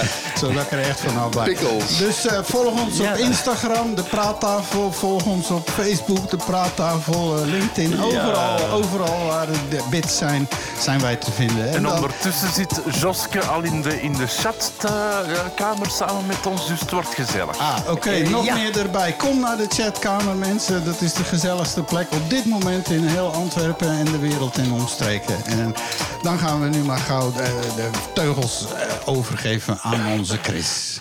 Welkom aan de praattafel. Oh. Uw wekelijkse afspraak voor een goed gesprek. Maar ik bedoel dat deze. Goedemiddag, wakkere praattafel, podcastluisteraars op Radio Centraal. En welkom op de quiz van onze favoriete quiz. En voor vandaag hebben we weer een dozijn kakelverse, boeiende vragen... waar we graag ook antwoorden op zouden willen krijgen. En als het even kan, de juiste antwoorden, nietwaar? En u kunt dus ook meespelen, beste luisteraar... en antwoorden via onze praattafelchat op praattafel.be... en op chat te drukken. Of je kan ook heel hard roepen, nietwaar? We zijn er dus klaar voor. En ik heb er zelf ontzettend veel zin in. Laten we starten met de quiz van onze favoriete Chris. Zo. Ja, eindelijk ben ik eens aan het woord eh, vandaag. Dan- Dank u wel daarvoor. Oh ja, je Ehm, bent er ook. Ja, toevallig was ik hier in de buurt. Ehm, maar eh, de, de eerste vraag ik ga het simpel houden. En het is zelfs een meerkeuzevraag. Dus kan niet beter. Ehm, en dan vraag 1 uit dan maar. Hè. Ja. Oh, Is het dan? Ja. En dan nu vraag 1. Ja, in welk land is nieuwjaar het vroegst? Frankrijk of Engeland? eh, in welk land is nieuwjaar het vroegst? Oké. En, en een meerkeuzevraag was? Oh, een van die twee. Frankrijk of Engeland? Ah, ja. oké. Dat is het meerkeuzevraag. Eh, Ja, d- nou, Dan heb je keuze, hè. Dat is meer dan één keuze, dus dat is een keuzevraag. ja. En het idee is dat je het antwoord intypt en je wacht met enter totdat eh, het wachtmuziekje, wat je nu op de achtergrond hoort, het een heel irritant muziekje, dat eindigt met een wekkertje. Ja, tenzij En- dat je via de stream... Voilà, Joske zegt wel Frankrijk. Ja. Tenzij dat je via de stream... Dan klopt het niet zo eh, een beetje. Hè? Nee, oké. Nou, Ja, Istvan Ja. en Mario zeggen Engeland. Wat zegt Sergej? Eh, Engeland. Engeland. Dat is allemaal fout, want Josken heeft gelijk. Het is Frankrijk. Tadaa! Goed zo. en hoe zit dat? Ja, maar... eh, Want, want hoe, hoe zit dat? Come on. Istvan, je ja, hebt maar Engeland en- en loopt een is uur voor. Die hebben GMT, die hebben een andere klok. Niet Ja, altijd. De? Greenwich time. Green, De- ja, Als het zomertijd is, dan lopen die een uur achter. Hè? En in de wintertijd lopen die een uur voor. Of Oké. andersom. Het is één van de nou, twee. Ja. Eén punt voor Joske. En dan vraag 2. Ja, Richard Burton, we hebben het er straks al eens over gehad. Maar wat was zijn laatste film voor hij stierf in 1984? Richard Burton. Ja. Ja, dat was iets met... eh, ik weet het, ik, ik kan het zien voor Ja, me. Ik zie voor me. gestorven in 1984. Ja. Eh, ja, eh, was dat die sign... eh, wacht even. Eh, eh, hoe heet die film ook alweer? Dus, eh, Want na 1984 heeft hij niks meer gedaan. Nee. over die hè? waar mensen eten. En, eh, eh, nee, ik weet het niet. Eh Istvan zegt Star Wars, Mario zegt Engeland. Niks. nee, Joske weet het ook niet. Eh, Richard Burton? Sergej? Oh ja, Soylent Green zeg ik. Soylent Green. Oké, Eh, dat mag je nog zeggen, ja. En wat Oh, ja. Wat was de naam van de regisseur? Richard Burton? Nee, de acteur. Ja. Richard Burton. Richard Burton. Laatste Geen idee. Geen idee. Ben je er nog maar best bij, ja, Sergej? Dat je zo Eh, ja, dat is de eerste keer dat ik een quiz doe. Hè, dus, eh, Ah ja, oké. Ja, ik heb vorige week gehoord dat eh, een quiz eigenlijk de bedoeling is dat de mensen 80% van de antwoorden juist hebben en dan 20% niet. Bij ons is dat een beetje andersom om de een of andere reden. Ik weet ook niet waarom. Ja. Maar wat was je antwoord, Sergej? eh, geen idee. Oké. Geen Dus- idee, dat is het ook niet. Eh, de film noemde 1984, hetgeen dat ik al vier keer herhaald heb. 1984, zo noemde die film. Hoppa. Oké, dat was natuurlijk het verhaal van eh, Orson Welles. En eh, Ja. het boek Oké, 1984, ja. eh, Ja, The 1984, Thought Police. ja. Big Brother, Big Brother. ja. Goeie marketing in hetzelfde jaar. Slim. Ja. Oké. En dan zitten we al aan vraag 3. Welke onafhankelijke staat ontstond er uit de oorlog tussen Indië en Pakistan in 1971? Dus mijn kaartjes zijn ouder dan 1971. Ja. Ja, ik weet, dat, ik weet wat er gebeurde is toen. Ja, ja, maar hoe noemde Tussen de India onafhankelijke staat die ontstond? Ja. Ja, dat, dat weet ik. Ja. Uttar Pradesh, had je. De, wacht even, hoe is dat? Ja, ja. Er wordt nagedacht, dus bijna gaat het wekkertje. Ja, we moeten even Oh, wachten. al- oh. Er was iets te Ah, ja, vroeg. Maar je, je bent te vroeg, hè, dus dat wordt Ah, ja. gedisqualificeerd. Hè? Eh, Nou, nee. ja, bij mijn weten was Bangladesh. Want dat was toen Oost-Pakistan en West-Pakistan. En Istvan zegt eh, Bangladesh, dus Mario zegt Bangladesh, Joske zegt Tibet en Sergej Eh, zegt... Bangladesh. En dat is juist. Oké, ja. Ja, want er was nog een afschuwelijke toestand die daaraan vooraf ging... met staatsgrepen en militairen. Dat was geen, eh, Ja. gemakkelijke, geen gemakkelijke zaak in elk geval. En dan komen we bij vraag 4. Ja, het is een beetje een kunstvraag. Wat was de geliefkoosde kleur van Auguste Renoir? De geliefkoosde kleur van Auguste Renoir. En ken ik? Ja, Ja. ja dat Het is een schilderij, is het van? Renoir, come on. Ja, dat weet ik. Ja, hij heeft hier, eh, ik heb Ja. hem gebeld om hier de achterpoort Ja. te schilderen, maar eh, pff, Ja, nee, dat was geen Harry. Renoir. Dat is een andere. Dat is niet, wordt niet bedoeld, dat was geen Harry Renoir. Oh, oh, wauw. Ja, ik zoek naar het schilder en dan zoek ik schilder. En, eh, ja. en, ik- en ik wil dat schilder echt een kunst is. Eh, eh, nou, ik zal ook wel zeggen... Joske moet even wachten met zijn antwoorden voortaan. Hè? Tot, tot, eh, tot het muziek. Ja, nu is de wekker afgelopen.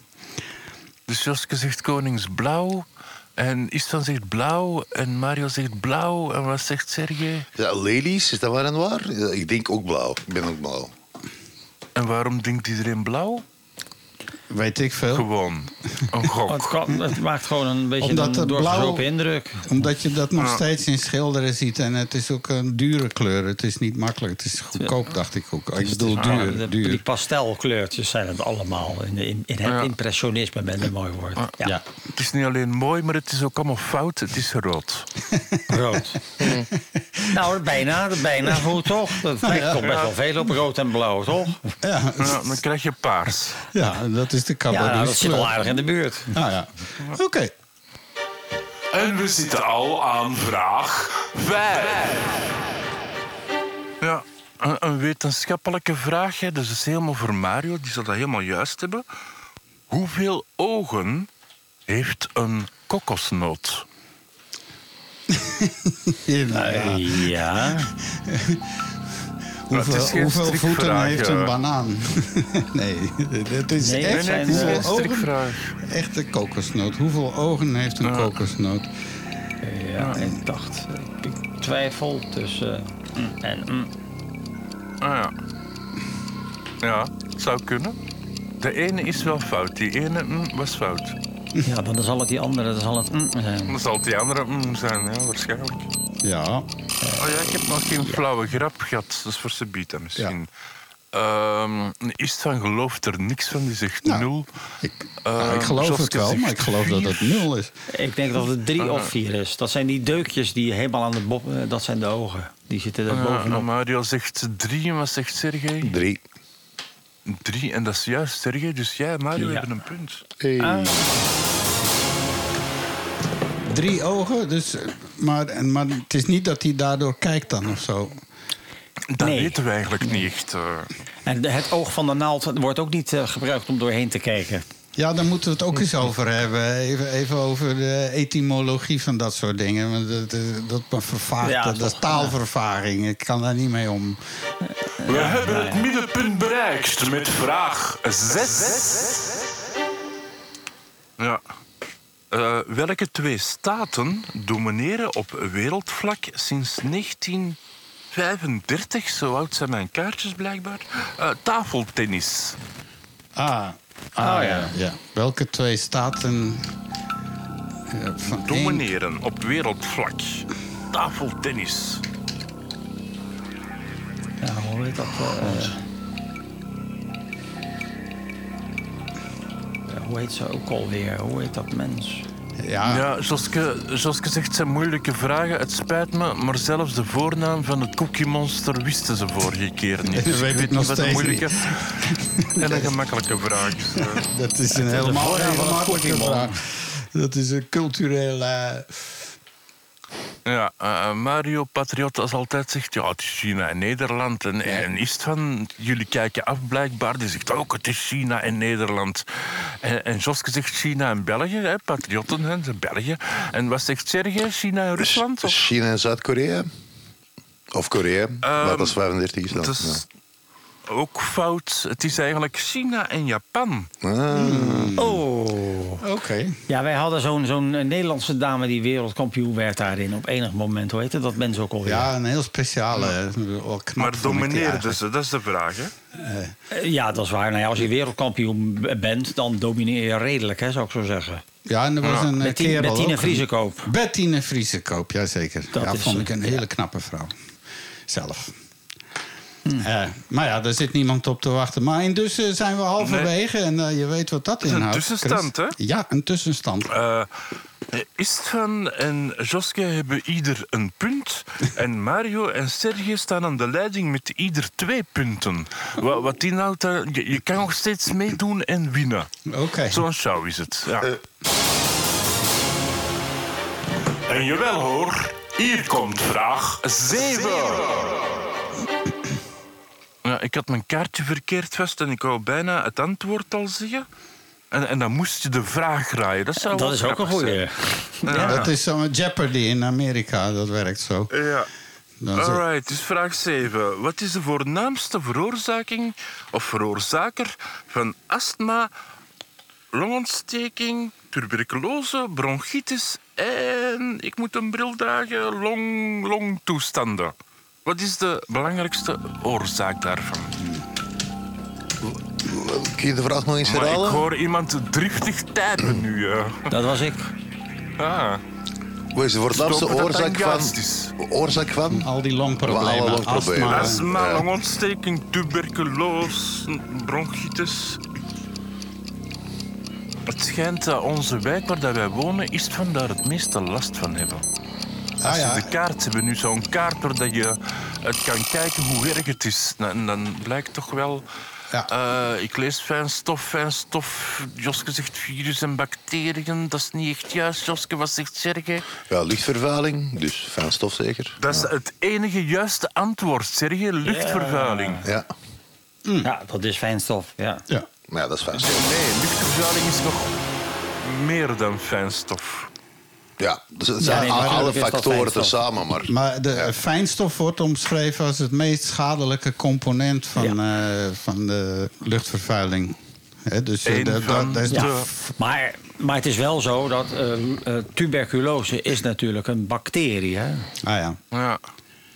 Ja. dus. Maar ja, Dus, dat, dat- ja. kijk, dan heeft Josken ook wat gelijk als hem samen met jullie, sa- jullie alle drie samen zouden dus het juiste antwoord hebben kunnen geven. Eigenlijk wel, ja. Maar jammer genoeg is eh, Sergej de, de enige die het echt gezegd heeft. En, en ja, sorry, zo is het. Ik ben, ik ben de quizleider, hè? Sorry. Ja, ja, nou, en daar leiden wij allemaal onder, dat klopt. Ja, absoluut. ja. En dan maken we plaats voor vraag 8. Oké, denk eraan mensen bij deze vraag dat het een vintage doosje trivia-vragen is. Want ondertussen is dat veranderd. Maar zwart, vraag 8. Hoe heet het Belgische pretpark dat eigendom is van een entertainer? Ah, ah ja, ja, ja, ja, ja, ja, eigendom van een entertainer. Ja, eh, die, eh, ja. Het is in België, hè, Mario, voor alle duidelijkheid. eh. ja, dat weet ik. Maar dat, ik weet niet. Ja, ik. eh, pff, oh, ja. Eh, jullie weten dat, ik weet dat niet. Ja, maar de- toen was België en Nederland nog een beetje samen. Je zou het eigenlijk wel moeten weten. Als je, als je ja, dat is inderdaad. Ik zie het staan. Ja. zie het staan. Ja.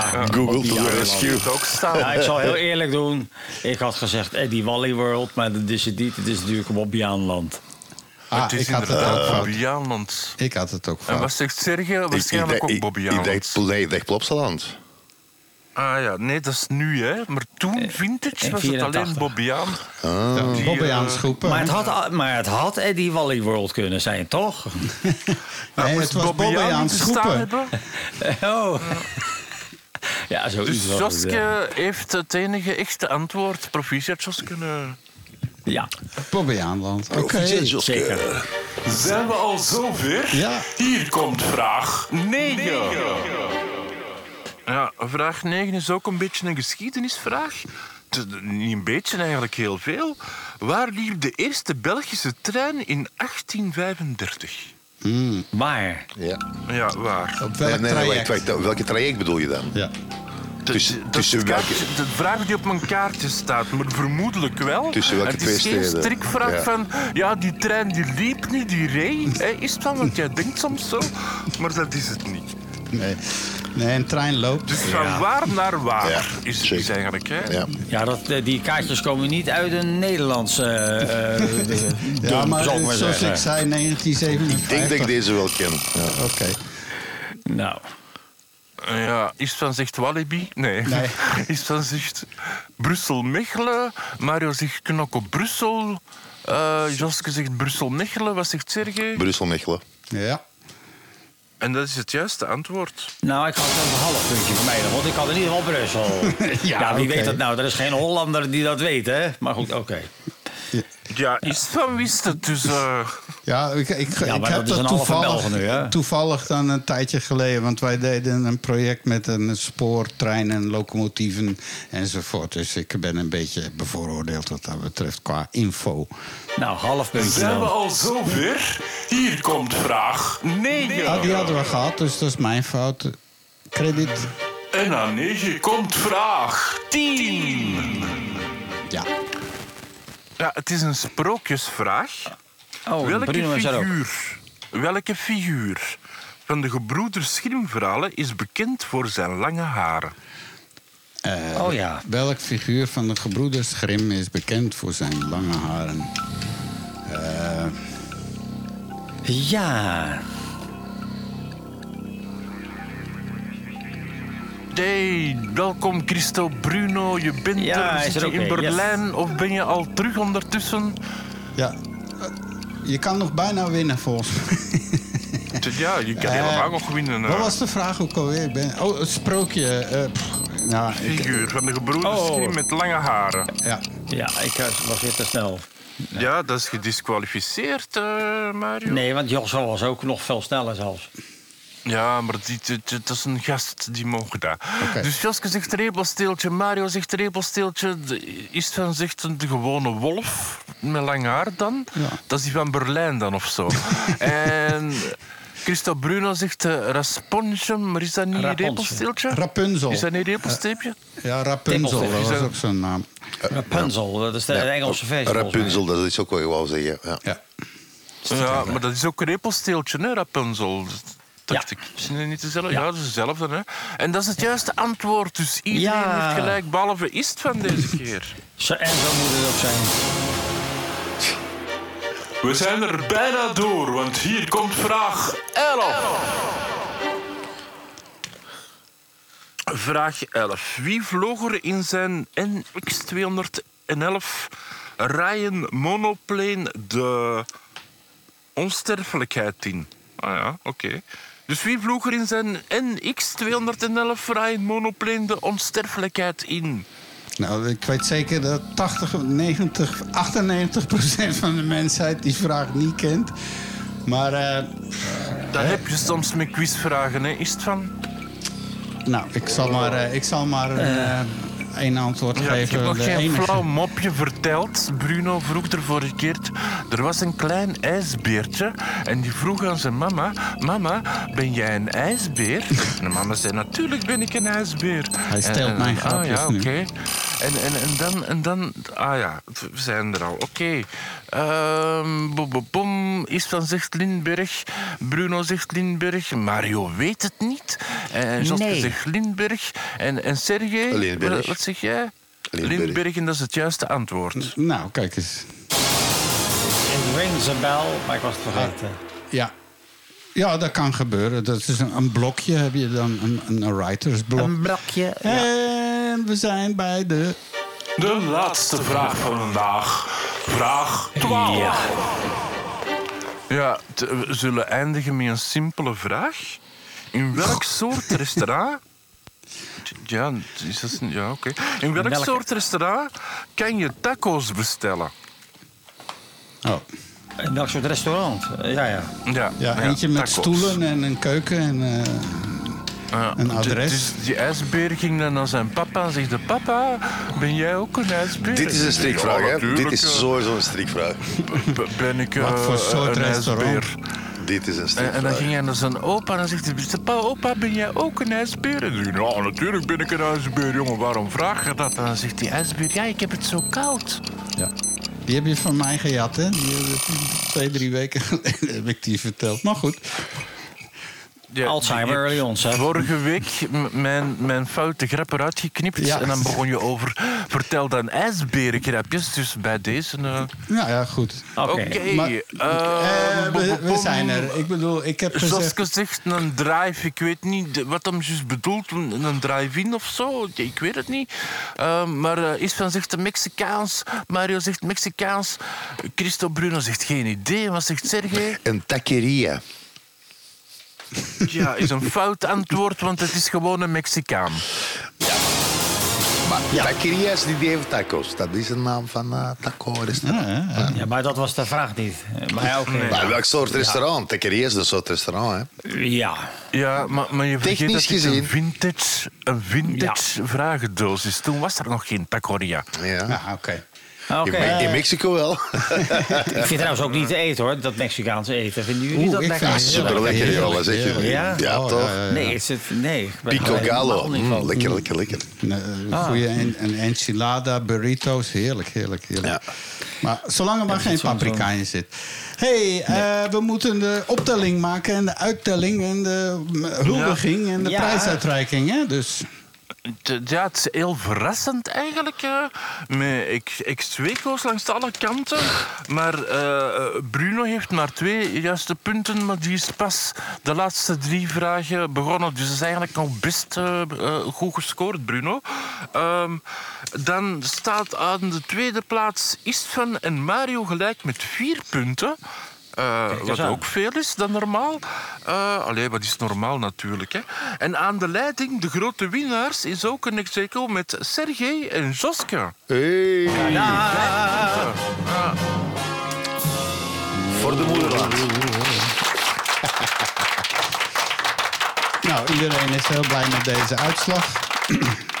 Dat was de quiz. Ja. En eh, zeker weer bedankt aan onze deelnemers. eh Joske, ik hoop je er volgende week weer bij te zien.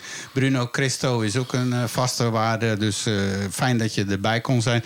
Blijf vooral in de chatroom, want we gaan het nog over kei boeiende dingen hebben. En wie weet, wie weet dat je toch nog wat mee wil praten of mee wil eh, luisteren. En eh, dingen suggereren die wij misschien eh, helemaal fout. Dus blijf vooral hangen in de gezelligste chatroom van Vlaanderen op dit moment. Die van de praattafel.be. Eh, even kijken. Oh, ik ben iets te ver gescrolld. Want nu komt het volgende blokje. Dat is zo. Ja, eh, en misschien moet... Ja. Oh, wacht, nee, doe maar, doe maar, doe maar. Ah, misschien moeten we achteraf eh, Christo Bruno eens uitnodigen, want die heeft een heel boeiende kunsttoestand in Berlijn gehad. Ja, ook weer voor een tweede visit, hè? Ja. Oké. Ja, we beginnen nu een beetje zo te roteren Leuk. met ons, met ons ploegje. Mensen die we kennen en die ons kennen en zo. En dan wordt het op een gegeven moment echt goed wat we hier aan het doen zijn. Kosmische zeven aan tafel. Eén rondje kosmos.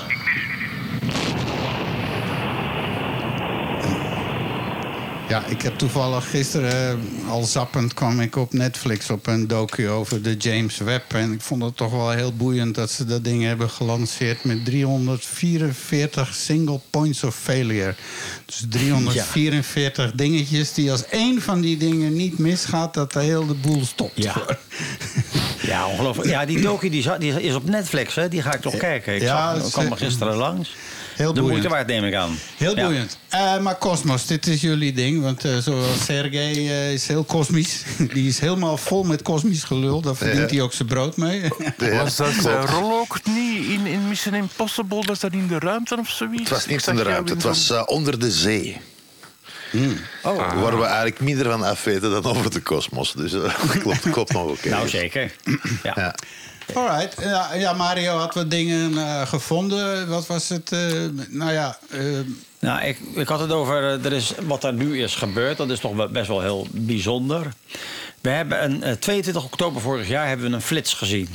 Die werd beschreven als boot. Dat staat voor Brightest of All Times. Dat was een, een flits die, we eigenlijk, die ze nog nooit zo sterk hadden meegemaakt. En dat is best wel heel bijzonder. Eh, dat, dat, dat ding dat heet GRB en dan een lang getal. GRB staat voor Gamma Ray Burst. En wat gebeurt er? Als een ster instort en er, en er een nieuw zwart gat gevormd wordt, al vlak voordat dat gebeurt, terwijl die ster aan het instorten is, krijg je een flits van eh, gammastraling die eruit spuit, als het ware.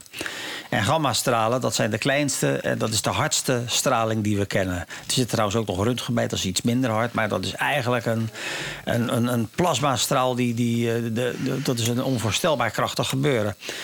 En hij staat dus inderdaad bekend als de boot, de helderste kosmische explosie aller tijden. En nu hebben ze ook een beetje in de gaten eh, eh, waarom dat zo was. En eh, er was ook iets wat mee aan de hand. Want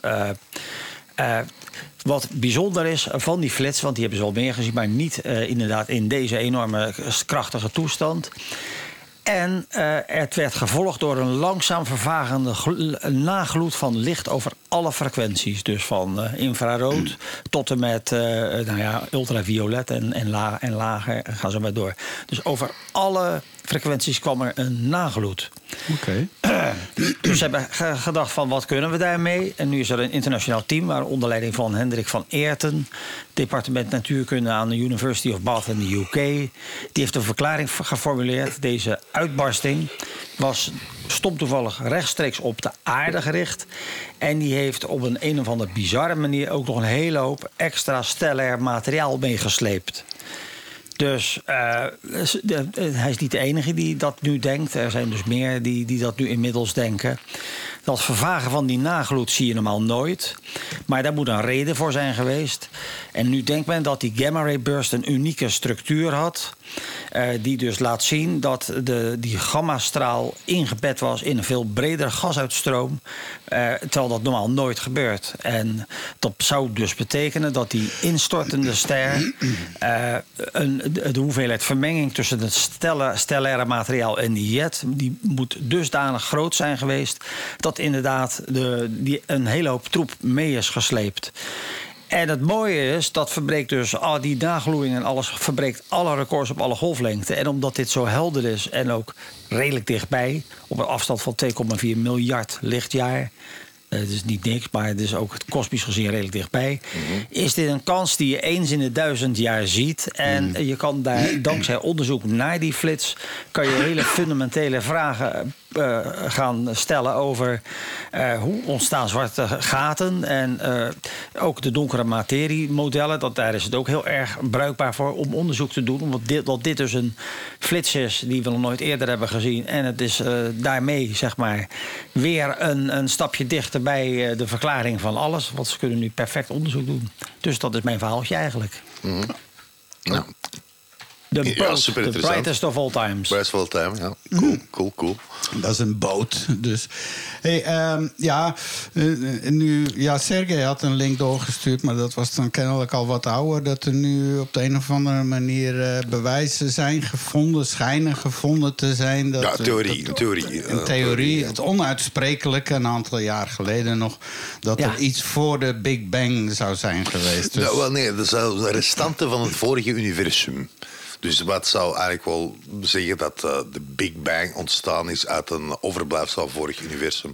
Maar dat is uiteraard nogmaals een theorie. Dat, eh, het, het leek me als een, als een artikel dat recent werd gepubliceerd, maar na eh, verder onderzoek bleek dat het al van 2018 is.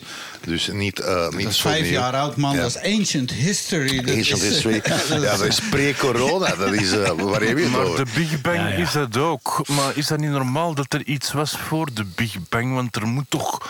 Allee, ja, de, de, de Big Bang, een ontploffing, maar er moet toch iets ontploft zijn? Dus er was iets voor de Big Bang.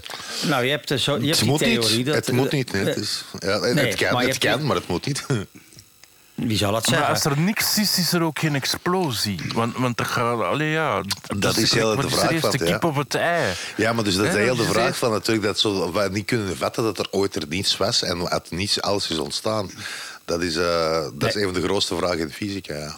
Ja, dat Ja, klopt. maar dat is Maar op de Bijbel, hè. Eerst was er niets en, en dan na zeven dagen was er de aarde. Maar Ja, ze hebben het er verkeerd opgeschreven. ze hebben het Ja, verkeerd waarschijnlijk. opgeschreven. Dus- Ja. uh, Maar er moet toch iets kunnen exploderen. Anders, als er niks is om te exploderen, is er ook. Als er een boom valt in een bos, Wat hoor je dan iemand poepen in Mallorca? Ja, dat kan, hè. Dat zijn zo van die vragen. Dat is, Ja. de, wat- de- dat is een klassieke vraag. Als je een boom hoort vallen in, eh, in, in Mallorca, is Israël een legitieme staat? Eh, ik heb wel een beter verhaal gelezen. Ik heb gelezen dat eh, in de jaren 70 was er een Russische wetenschapper die met zijn hoofd gevallen was in een deeltjesversneller. Hij was een stukje van deeltjesversneller in, eh, aan, aan het verbeteren. En, er is, En is dat nu Iron Man? Nee, ah, wel, dat is hem juist. Eh, er is zoveel gamma rays door zijn hoofd gegaan. En je zou verwachten, dat is, een, dat is, dat is een radiatie maal, maal miljoen keren, dat hij heel veel Net, uitzaaiingen en kanker zou krijgen. Eh, niets is waar. Hij is wel lichtjes verlamd in zijn gezicht voor een groot deel. Maar hij heeft nog zijn doctoraat kunnen afmaken. Hij leeft nog steeds en hij heeft geen kanker. Maar hij heeft geen superkrachten gekregen. Dus interessant verhaal voor al die mensen die Nou, willen superkrachten krijgen. Ga niet in een deeltjesversteller slaan. Het enige wat er gaat Nee. gebeuren is dat je eruit gaat zien alsof je een beroerdheid hebt. Nou, ik, ergens begrijp ik dat wel. Want eh, die, die gamma-ray, wat dat doet, dat beschadigt je DNA. En, Ja. en, eh, en je hersencellen, die heb je en die delen zich niet meer. Eh, die zijn er. Je, je maakt geen nieuwe hersencellen aan. Dus als die gamma-straling door de rest van zijn lijf zou zijn gegaan... dan was hij natuurlijk al lang overleden. Ja. Maar ja, dit, dit- ja echt gamma. Ja, poeh, ik vind het wel een bijzonder verhaal. Ja, ja maar het is, het is echt los door midden van zijn hoofd. hè. Dus eh, ik ben zijn naam vergeten. Maar eh, ja, voor de mensen die zich daarin interesseren... er zijn deze week voor een van de redenen weer artikels over verschenen. Ah, eh, Oké, ja, ik ken dat niet. Ik kreeg net nog Maar een- inderdaad, als, Ja. je, als, je, als je komt naar dat zwarte gat eh, en, en hoe het ontstaan is, je hebt wel een theorie die beschouwt het, een, het ontstaande Big Bang als een omgekeerd zwart gat. Dat houdt dus in, Ja. in een zwart gat ga- valt, vervalt als een singulariteit. Alles wat daarin verdwijnt komt eigenlijk tot één punt, eh, verdwijnt dat daarin. En de Big Bang is eigenlijk het omgekeerde. Dus wie weet is het wij- wel een soort zichzelf herhalend systeem... waarbij iedere keer zeg maar, het, het- het- een, een universum ontstaat. Uiteindelijk stopt alles en de zwaartekracht doet zijn werk. Alles trekt weer naar binnen toe en vervalt weer tot dat ene punt... en het begint weer opnieuw. Ja. Ja. Wie weet. Eén van dat is ook twee. weer een theorie. Ze hebben ook deze week, allee, ik weet niet of het van deze week was, want nu kunnen we natuurlijk al die data niet controleren van die artikels.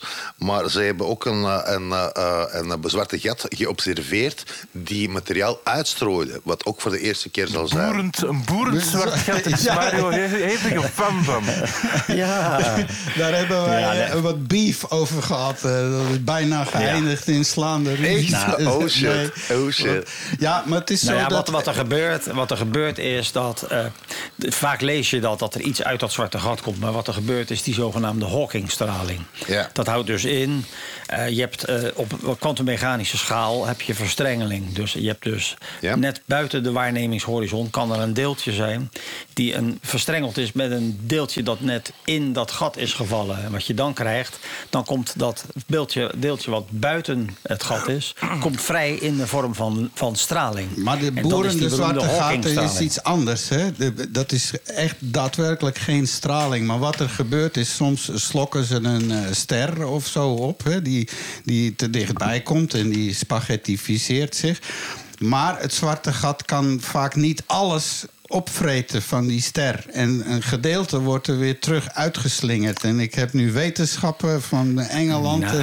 En, nee, maar dat is zo. Dat is niet dat dat spul wat hij Ja, uitboert... gaat komt niet uit het... Nee, wacht even. Dat, datgene niks wat uit die- een zwart gat. Nee, maar dat komt ook niet uit het zwarte gat. Het is een stuk van het eh, ster die die nooit Het is opgevreten nooit in het kreeg. zwarte gat geweest. Nee, Ja. het, het is Ja, ook niet. Dat is het.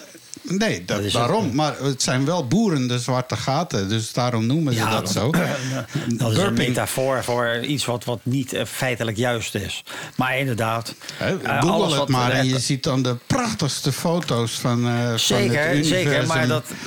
Zeker, en je hebt inderdaad gewoon je hebt die waarnemingshorizon. En je hebt natuurlijk een, een, een, eh, zeg maar een gebiedje waarbij dat in evenwicht is, waarbij de zwaartekracht dusdanig sterk is dat, dat het. eh, en, en wat keer, eh, er is dus een gebiedje waar het net wel of net niet in het zwarte gat ja. wordt getrokken. En Ja, dat is waar we nu over En- praten. En, en, en eh, die, die wetenschapster legde uit dat het gewoon zo is. Zo'n zwart gat kan ook maar zoveel materie per dingen verwerken. Dus het is niet dat zo'n hele ster in één keer...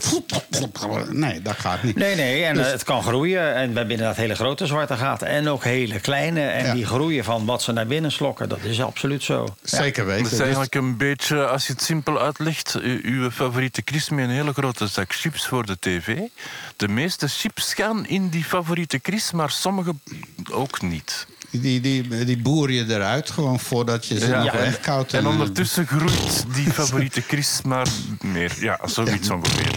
Ja, zolang, zolang er maar meer ingaat als dat er eh, niet in gaat. Zeker, maar, maar de, de straling die, die dus waargenomen wordt, die Hawking-straling, dat is wat ik zeg. Dat is, eh, dat is gewoon, zeg maar, dat zijn die verstrengelde deeltjes. Ja, ja, dat is bekend. En, en dat is dus, eh, ook Hawking-punten worden ze ook wel genoemd. Dat is dus inderdaad eh, eh, wat men ook kan meten. Ja, En, en dat, ge- maar ja, daar gaan we het de volgende keer weer over hebben. Want we Ja. hebben nog een hoop te doen. En, eh, nou, we zijn wel ontsnapt. Niemand zag het aankomen. Een asteroïde die tussen de maan en de aarde door eh, Ja, geschoten juist, is. En pas twee dagen later werd opgemerkt. Ja, dankjewel NASA met je eh, geruststellende woorden van wij houden alles in Ja. de gaten. En dit was een flink brok Ja. hoor. Eh, Ja. ja, nog één ander NASA-nieuwsje. Daar komen we toch weer over vandaag. Want de NASA heeft dus gezegd dat eh, juli de warmste maand ooit is. Dus, en, en het gaat nu echt overal met die bosbranden. En in Griekenland, Ja. op elk eiland. En Zwitserland zelfs. Zwitserland. En nu de hittegolf in Amerika, die zat zo meer in het zuiden. Zo Florida, Texas, Alabama. Maar nu gaat het helemaal tot aan New York. Helemaal, het gaat zich helemaal verplaatsen naar de middenstaten. En zelfs naar New York, eh, redelijk in het noorden. En terwijl ze ook nog in Canada die bosbranden hebben... waar ze in eh, New York Ja. geen adem kunnen halen. En Griekenland. eh, China. dat is de- alles, alles. Overal, heel de boel. En, en nog steeds zijn er kennelijk mensen, Mensen- die dat ontkennen allemaal. Maar Onbegrijpelijk. ja, dat zal altijd zo zijn. Kijk, neem, neem het ontkennen van de holocaust. Hoe lang men dat... Of het, de sigaretindustrie, dat het niet... eh, ja, mensen die, die willen dingen horen die, eh, die, die ze prettig vinden. Ja, ja. En er is dan altijd wel een manier om, om daar omheen te... Je vindt altijd wel een mafkees die zichzelf wetenschapper noemt... en het tegendeel zogenaamd bewijst. Heb je het over Maar- jezelf, Mario? Eh, nee, ik heb het over jou eigenlijk, maar dat wilde ik niet zeggen. Ah, ja, oké. Ja, dat zou ook kunnen eigenlijk. Ja. Eh, ja, maar inderdaad, het is, het is triest dat, dat eh, al die records worden gebroken. En waar gaat dit stoppen? Ik, ik, eh, ik maak me ernstig zorgen. Nou, het stopt hier Ja, en namelijk. over...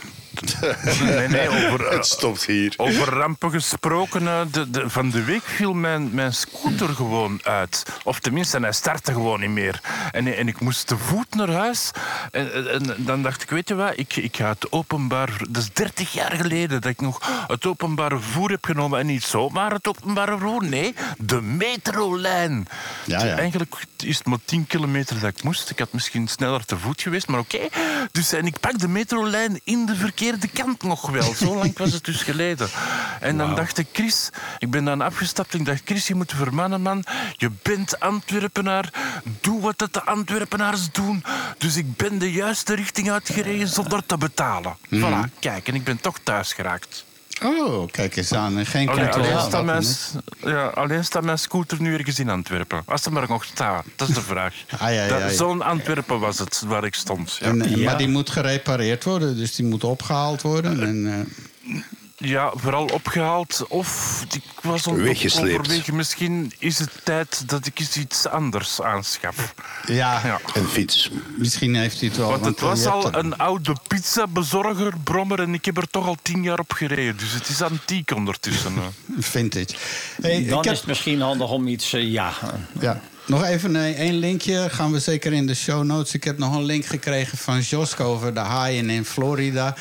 Eh, met de cocaïne. Grote bedreiging, bedreiging voor het leven onder water. Dat gaan we zeker in de show notes zetten. En dat is een eh, boeiend artikel. Eh, want Ja, eh, ja, Ja, maar dit, alles heeft gevolgen. Je hebt, het, je hebt het nu over haaien, maar vorige keer hadden we het over orka's die boten aanvielen. Zouden die misschien ook nu wat cocaïne hebben gegeten ondertussen? ja Dat of ze kan. zijn gewoon kla- klaar met al dat gedoe met al die bootjes. En dat, ge- ja, het, het wordt heel erg druk. En we zitten in steeds meer eh, territoria van organismen. Organismen. Eh, en het, eh, ja, organismen, absoluut. En als je dus... Heb je hem? Ja. ja. Hè? Goed, hè? Sorry. Nee, nee, nee. nee. Organisten? Maar het is, dus, het, het is dus heel erg eh, druk aan het worden. We hebben nou eh, last van de appelbloesemkever in Nederland. Vandaag is er weer eh, ge- vogelgriep geconstateerd ergens op, eh, in Nederland. in de buurt van het centrum van Nederland. Er worden ook weer een, een paar miljoen kippen voor geruimd. De kever, de, de perenkever is in opmars. Eh, het wordt vol en het wordt druk en het wordt chaotisch. En ik denk dat dit nog maar het begin is. Oké, dan maken we hier nu een einde aan en dan pakken we dat de volgende keer weer op. Want we gaan nu naar het zachte gedeelte van deze show. Ja, ademhalen. Zet je vingers maar klaar voor het keyboard gebeuren. Even kijken hoor. Uw favoriete quiz brengt u gedicht erbij. Ja, dan nog eens een keer de muziekknopje iets anders instellen. Zo. Eh, ja, we zijn aangeland bij het blokje gedicht erbij. En weer, en deze keer gaat Chris ons weer gedicht erbij trekken. Wat heb je van deze week voor ons? Wel, to- toevallig hebben we het er straks over gehad, over ChatGTP. En ik dacht, ach, weet je wat? In plaats van in een boek te zoeken naar een gedicht, ik ga nog eens een gedicht ChatGTP'en. En, en dat heb ik dan gedaan.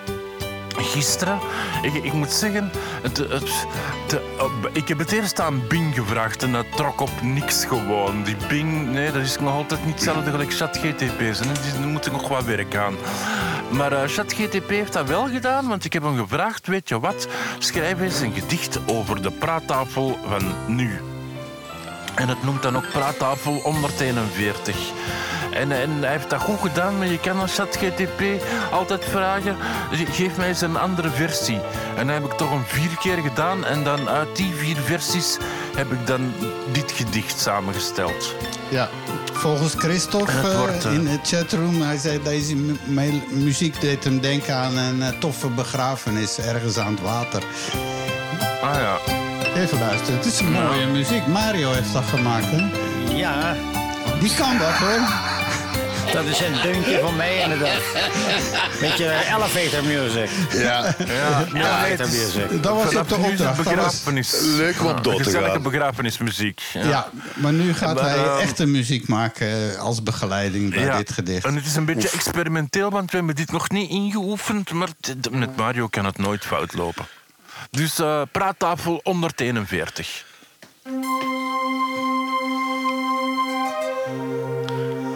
Op Radio Centraal. Vier vrienden bij elkaar. Aan een tafel. Vol verhalen zo raar. En dat is niet gelogen, hè?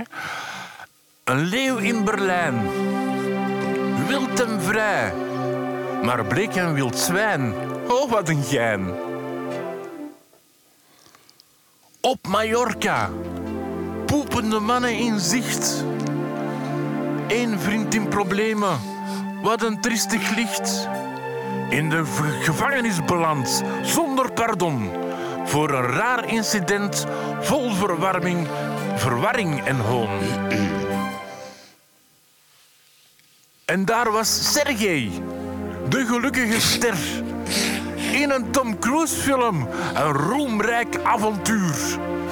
Zijn stralende rol, vol bewondering bekeken, vrienden trots. Sorry.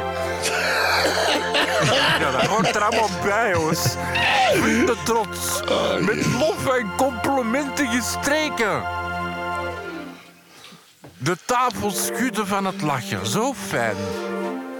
Moderne verhalen met humor en gein.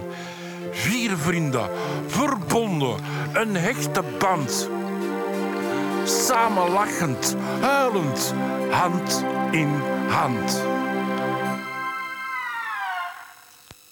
Voilà, kijk, Serge, een, een gedicht waar dat jij in komt. Hoeveel keren heb je dat al gehad?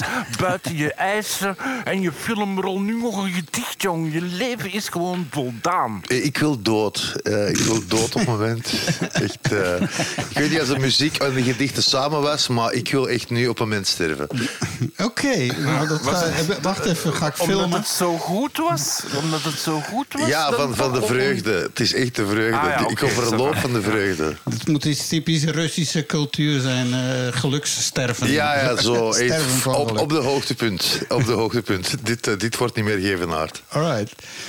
Ja, maar zo'n chat-GTP-gedicht, is dat iets voor altijd of was dat maar een eenmalig? Wat denken jullie? Eh, Het is generiek, hè. Dat is zo binair en zo. Ja, het rijmelarij, laat ik het zo noemen. Ja, maar voor, voor de pra- ta- Ja, oké, ça va. Ja, dat is maar een vraag. Voor een keer, voor 141, omdat dat een totaal onromantisch nummer is. Het is ook een priemgetal volgens mij. Je kan er helemaal niks mee met 141. 144, dat, dat is een heel rijk getal, hè? Dat, eh, het gros. Ah, ja. Enzovoort. Maar eh, 141, eh, dat, is nou, dat spreekt op geen enkele verbeelding volgens mij. Er is niets met dat getal wat leuk is of bijzonder, denk ik. Ehm, wa- was het Nederlands poepen of Belgisch poepen? Het was eh, Nederlands poepen. Het was dus schijten. Nee, nee. Het, eh, het- was Nederlands poepen, want in, in het Vlaams is het poepen. Dat, dat accent is Nou, dan kakken. anders. Hier is ze- poepen. Poepen is hier neuken. Ik vind vanaf nu Ja, moeten we dat altijd zo uitspreken. Poepen.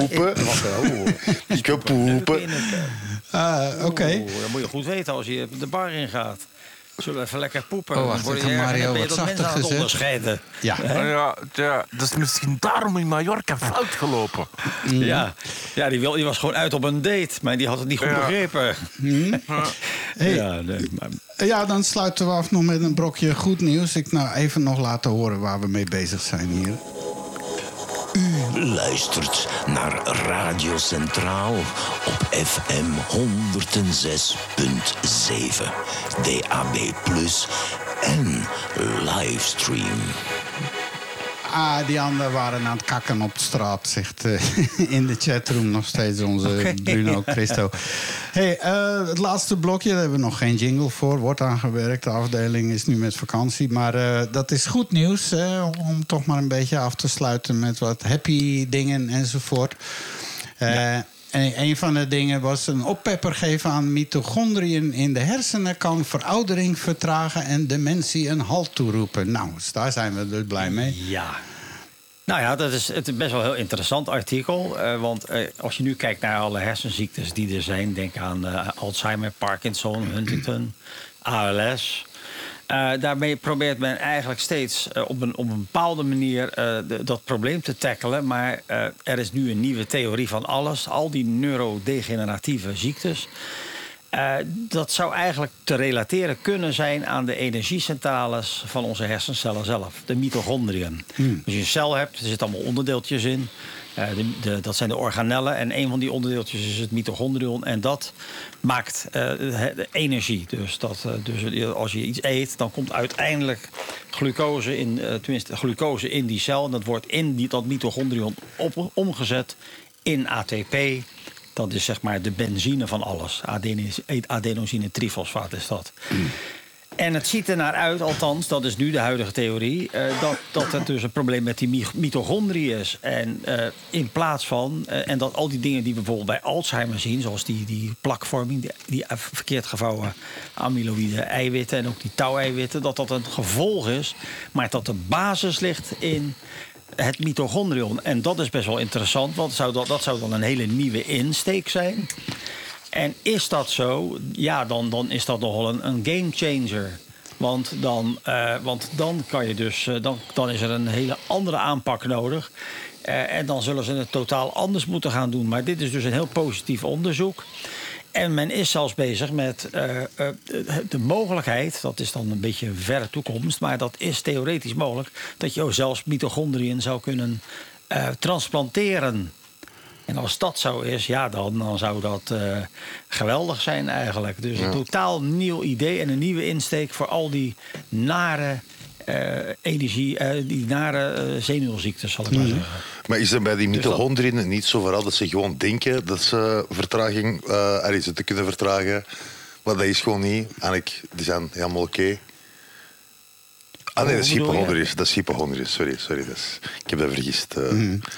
Mito, Ja, mito en hypo, dat is, dat, ja, dat is an- anders. Nee, nee, sorry. mito- Nee. mitochondriën, Mito- dat zijn... Ja, mito- Nee, dat is. Ja, het zijn een soort, soort, soort zeg maar niervormige of de ovaalvormige organellen. Mhm. met, een, met een soort, eh, eh, een, zeg maar een klein, eh, allemaal vakjes zitten erin, een soort Jep, jep, jep. doolhof. En inderdaad door een heel ingewikkeld proces, de citroenzuurcyclus. Daar komt glucose in en er komt ATP uit. En dat is gewoon wat benzine is voor de auto. Dat is, dat is voor onze cellen, voor al het dierlijk leven. Die, die leven bij de gratie van die, die, eh, die energie, zal ik maar zeggen. Ja. Ja. Maar dit, is- dit, is dus, dit is dus een totaal andere insteek. En dat is dus, eh, dat zou dan, eh, dat is dus dan een, een hele nieuwe insteek. En dat zou dus een oplossing kunnen zijn voor al die nare ziektes eigenlijk. ja. Ja, en eh, er is nu een nieuw medicijn, dus voor het eerst in Amerika goedgekeurd. Dat wordt verkocht onder de naam Leqembi. Het is lecanemab. Oh ja. En eh, dat is Ja. het eerste medicijn wat tegen de ziekte van Alzheimer is. eh, en, en Ja. Het kan het iets vertragen, maar eh, iets ook maar. Dus in plaats van... Ja, dat is heel naar. Want als je kijkt inderdaad, wat is het probleem? Je ziet daar dan die amyloïde plakvorming. Met dat, dat wil dus zeggen, er, dat zijn verkeerd gevouwen eiwitten. Dat is dus extracellulair. Dat komt als het ware als een soort tandplak op je kop te zitten. En in de cellen zelf is ook een touw, het touweiwit eh, is dan eh, zeg maar eh, niet goed. En dat heb je weer nodig om, om het, het, cellichaam in stand te houden. Want er zitten een soort tentstokken in. Dat zijn de centriolen. En dat eiwit zorgt ervoor dat dat niet goed werkt. En dat verklaart dat als je een autopsie doet bij iemand die uiteindelijk is overleden aan Alzheimer, dat vaak het brein niet veel groter is dan, dan een walnoot. Want dat schrimpt. Want, want die, die cellen die storten in door die, door die eh, tentstokken die er dan niet meer zijn, zou je kunnen zeggen. Maar het ziet er dus nu uit dat dit dus symptomen zijn en niet de oorzaak. En, en noem deze, Eh. deze, deze Likkerman wat? Is dat Likkermanol? Nee, nee, wacht. Likkem... Lecanemab, maar het wordt Lecanemab. verkocht onder Ja. En eh, wacht, ik heb hier een, denk ik een... Ja. and healthy and with it. Ah nee, dat is weer, eh, weer, een of andere promo. Maar dat gaan we nu niet doen, want de bijwerkingen zullen wel weer... eh, als zo'n reclame twee minuten is, dan heb je anderhalve minuut over bijwerkingen. Ja. Eh, maar. Lequembi, dat is. eh, en de toelating op de Nederlandse markt is nog onzeker. Op z'n vroeg zal dat in 2025 plaatsvinden. Maar eh, ook weer een, prijskaartje is eh, absurd weer. Eh, Ik weet niet wat de prijzen hier zien. Maar serieuze bijwerkingen zeggen ze. Net als ieder medicijn heeft lecanemab ook bijwerkingen. De meeste zijn mild, zoals koortsachtige verschijnselen of hoofdpijn. Maar sommige mensen lieten ook zien, zoals hersenbloedingen enzovoort. Dus ja, eh, het is nog allemaal heftig. niet echt helemaal in... eh kan en in Ja, het probleem is een beetje dat, dat je zit met de bloed-hersenbarrière. Alle vaatjes in je hersenen, dus die hebben hele kleine gaatjes... waardoor alleen hele kleine moleculen eh, Ja. bij die hersenen kunnen komen. En gelukkig genoeg zijn dat zeg maar ethanol, dat is alcohol, dat is een klein molecuul. We kunnen zo lekker lazers worden. Maar grote medicijnen, dat zijn over het algemeen vaak hele grote moleculen... die komen daar bijna niet. Dus dat is eigenlijk de uitdaging. Eh, maar goed, eh, ja, die, dat, dat nieuwe prutje wat er dan nu is, dat, dat is klein genoeg om toch die bloed-hersenbarrière te kunnen tackelen. Die kan, kunnen dus bij die cellen komen. Maar het richt ook heel veel schade aan. Ik had begrepen dat dan die ondersteunende cellen, dat zijn de gliacellen, dat die toch wel een op, krijgen, waardoor de boel een beetje instort. eh, waardoor je dus al die bijwerkingen krijgt. Dus het, het, helpt iets, maar het is, het is zeker niet het ei van Columbus. En misschien die mitochondriale toestanden wel. Oké. Nou, eh, blij dat er in ieder geval op meerdere fronten... want een aantal jaren geleden hadden ze het min of meer opgegeven... om er nog iets op te doen. Want eh, alle onderzoeken liepen bijna doodspoor uit enzovoort. Maar eh, goed dat het... eh, ja, en dan een ander dingetje wat niet zo leuk was... was ehm, eh, waarom vrouwen eerder overlijden door extreme hitte. Door de recordhitte van 2022. Eh, Dat record, ja, dat was toen voor ons een record. Dat gaat dit jaar hier... was dit blokje niet positief nieuws? Ja, Nou, voor, nou, dat is ook zo. Voor namelijk mannen. voor mannen. Ja, Maar dat is ja. ook positief. Voor mannen is dat heel positief. Ja, ik, ik kan dat niet anders. eh, ja, het is rot voor vrouwen, maar ja, dat is wel Hier, zo. take my wife. Ja. Maar eh, ja, van die hittedoden was zo... waarom gaan die vrouwen nou vaker dood? Ja, dat, dat weet ik eigenlijk niet, want daar werd niks over gezegd. De hittegolf in Europa zal net als vorig jaar voor oversterfte zorgen.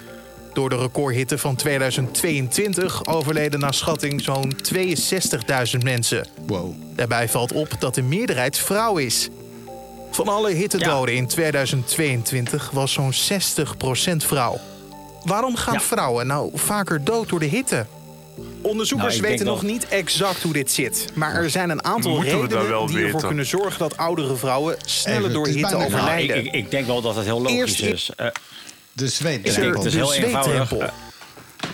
Nou, zeg het maar, Mario. Toch niet iets Ja. over je schoonmoeder of zo? Nee hoor, nee hoor. Ik denk dat eh, vrouwen worden gemiddeld ouder dan, ouder dan mannen. Er zijn dus veel meer oudere vrouwen. En dan kan je stellen van ja, als er dan zo'n enorme hittegolf komt met 50 graden, dat zij als eerste omvallen. Ja. Dus ik denk dat het eigenlijk, eh, dat, dat het eigenlijk de, de, de crux is. Maar goed, Nou, daar laten hebben we ze een het- klein stukje nog dat- luisteren. Ja. Klein stukje de overlijden. Eerst is er de zweetdrempel. Vrouwen zweten minder snel dan mannen. En oudere vrouwen zweten nog minder. Ze kunnen de warmte dus niet goed kwijt. Ja. Oudere vrouwen zijn volgens een onderzoek ook minder actief in het algemeen, maar actiever in het huishouden. Als ze minder fit zijn en tijdens extreme hitte het huishouden blijven doen, is de kans op oververhitting groter. Er is ook een simpele reden. Vrouwen worden nu eenmaal ouder. Hey, en oudere mensen hebben een grotere kans om te overlijden door extreme hitte. Ja, hier staat ook eh, levensverwachting in de EU voor eh, dames is 82,9 jaar. Eh, voor mannen 77,2. Dat, Ja. is, dat is echt wel Ja. een vijf jaar verschil bijna. Dat, eh, dat Nou, ik ik even het, is- van. het zal op een of andere manier de fout van de mannen zijn. En ik had gelijk, hè. het ligt weer aan het huishouden. Hè. Sorry, het is, Nou, zeker. Ja, snap je, zij doen het huishouden, dus ze gaan vaker dood. Dus het is sowieso de schuld van de mannen. Hè? Zoals altijd. Ja. ja. we hebben het weer gedaan. Ja, Ja, wat van- weer gedaan. Zo simpel is het. Ja, We, na- we zijn eh, genaderd op de laatste paar minuten van de. Het zijn er nog maar drie eigenlijk. Dus het nog heel snel. gedaan, ja, het is alweer gedaan, joh. Heel snel, Chris, eh Sergej, je plannen voor deze week? We Ah, mijn plan voor deze week is al helemaal lekker niks doen. Dolce far niente. Ah, dolce far niente. Voor de volgende week meer van hetzelfde. En de week erop ook. Maar vanaf eh, 7, 7 augustus ben ik terug aan het optreden. 10 augustus kunt u mij terugvinden op de Playfestival op in Antwerpen-Zuid. 28 augustus op de kinderboerderij in Wilrijk. Eh, en voor de rest ja, elders in Vlaanderen, waar ik ga spelen in allerlei soorten een ongure jeugdhuizen en wat nog. Eh, voor alle informatie kunt u mij volgen op. Instagram. Sergej.sky. uh, Sergej met de J van je weet wel. En tot de volgende keer. Ja, zeker. We De zetten de link. kinderboerderij, Sergej. Ja, en kinderboerderij. aan? Nee, nee, nee. Dat zijn de drie lievelingsgroepen bij wie ik speel. Kinderen, boeren Dieren. en geiten. Ah ja, oké. Alright. Leuk. Ja, maar als je bij boeren bent met kinderen, die hebben dan ook vaak geiten. Dus Ja, sowieso. mee- En sommige boeren zijn met de geit samen, dus dat is altijd wel goed. Oké. Ja, Mario, the usual neem ik aan. The usual. Ik heb inderdaad niets bijzonders. Maar ik heb altijd weer mijn projectjes en mijn dingetjes. En het, nou ja, het zonnetje schijnt nu hier. Ik weet niet hoe het in België is, maar het ziet er lekker uit. Dus ik ga zo dadelijk een lekkere wandeling maken. Oké. En Chris op jacht naar zijn eh, brommer, scooter. Ja, op vervoer. Hè. Ik moet nieuw vervoer hebben of het oude laten repareren. Het zou kunnen de, de bougie zijn. Maar ja, wie weet het. De bougie zelf waarschijnlijk. En voor de rest denk ik dat ik eh, deze week Sergej ga helpen met zijn drukke werksagenda. Dat samen Dolce Far Niente. Zo. Yep. eh. Ja, eh, ik wens je heel veel succes en hou ons vooral op de hoogte. Eh, je luisterde de afgelopen twee uur naar Praattafel, aflevering 141. Als je iets wil weten over waar we het gehad hebben, dan ga je naar praattafel.be. En daar komen alle show notes met alle links, alles waar we het over gehad hebben. En misschien nog wel leuke dingen erbij. Sergej, hartstikke bedankt voor je moed en inzet om, om tot hier te geraken. En eh, zeer binnenkort nog eens. Ik, eh, we vinden het maar prettiger en prettiger. Hè? Top, top, top, top. En eh, Yes. ik zou zeggen namens eh, mij ook afscheid. En volgende week zijn we er weer. Intussen kijk op de praattafel, zowel op Instagram of dingetjes. We gaan daar straks meer leuke dingen plaatsen. Want er moet wat leven in de brouwerij komen, heb ik gehoord. ja, en, en ook dank aan onze eh, eh, chat-medewerkers Ja. die, die zo goede vragen beantwoorden op de chat. Ja. Komen. We hebben ook een Ja, favoriete Christo nu, dus dat gaat allemaal Ja. goed komen. Zeker zegt trouwens dat dit melodietje ook dystopisch mooi is. Oh, nou, dat, dat, dat klinkt Ja. wel aardig, ja. Nou, dan gaan we daar met ontzag en respect even een stukje naar luisteren. Een beetje muziek aan de praattafel. Gaaf. Oh ja, hey, oh, kijk, wacht even. Het gebruik elektrische... Oh, grappig, ja.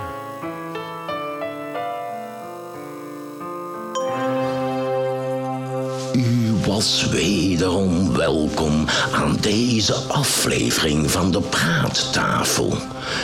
Kijk op praattafel.be voor de show notes. Tot de volgende.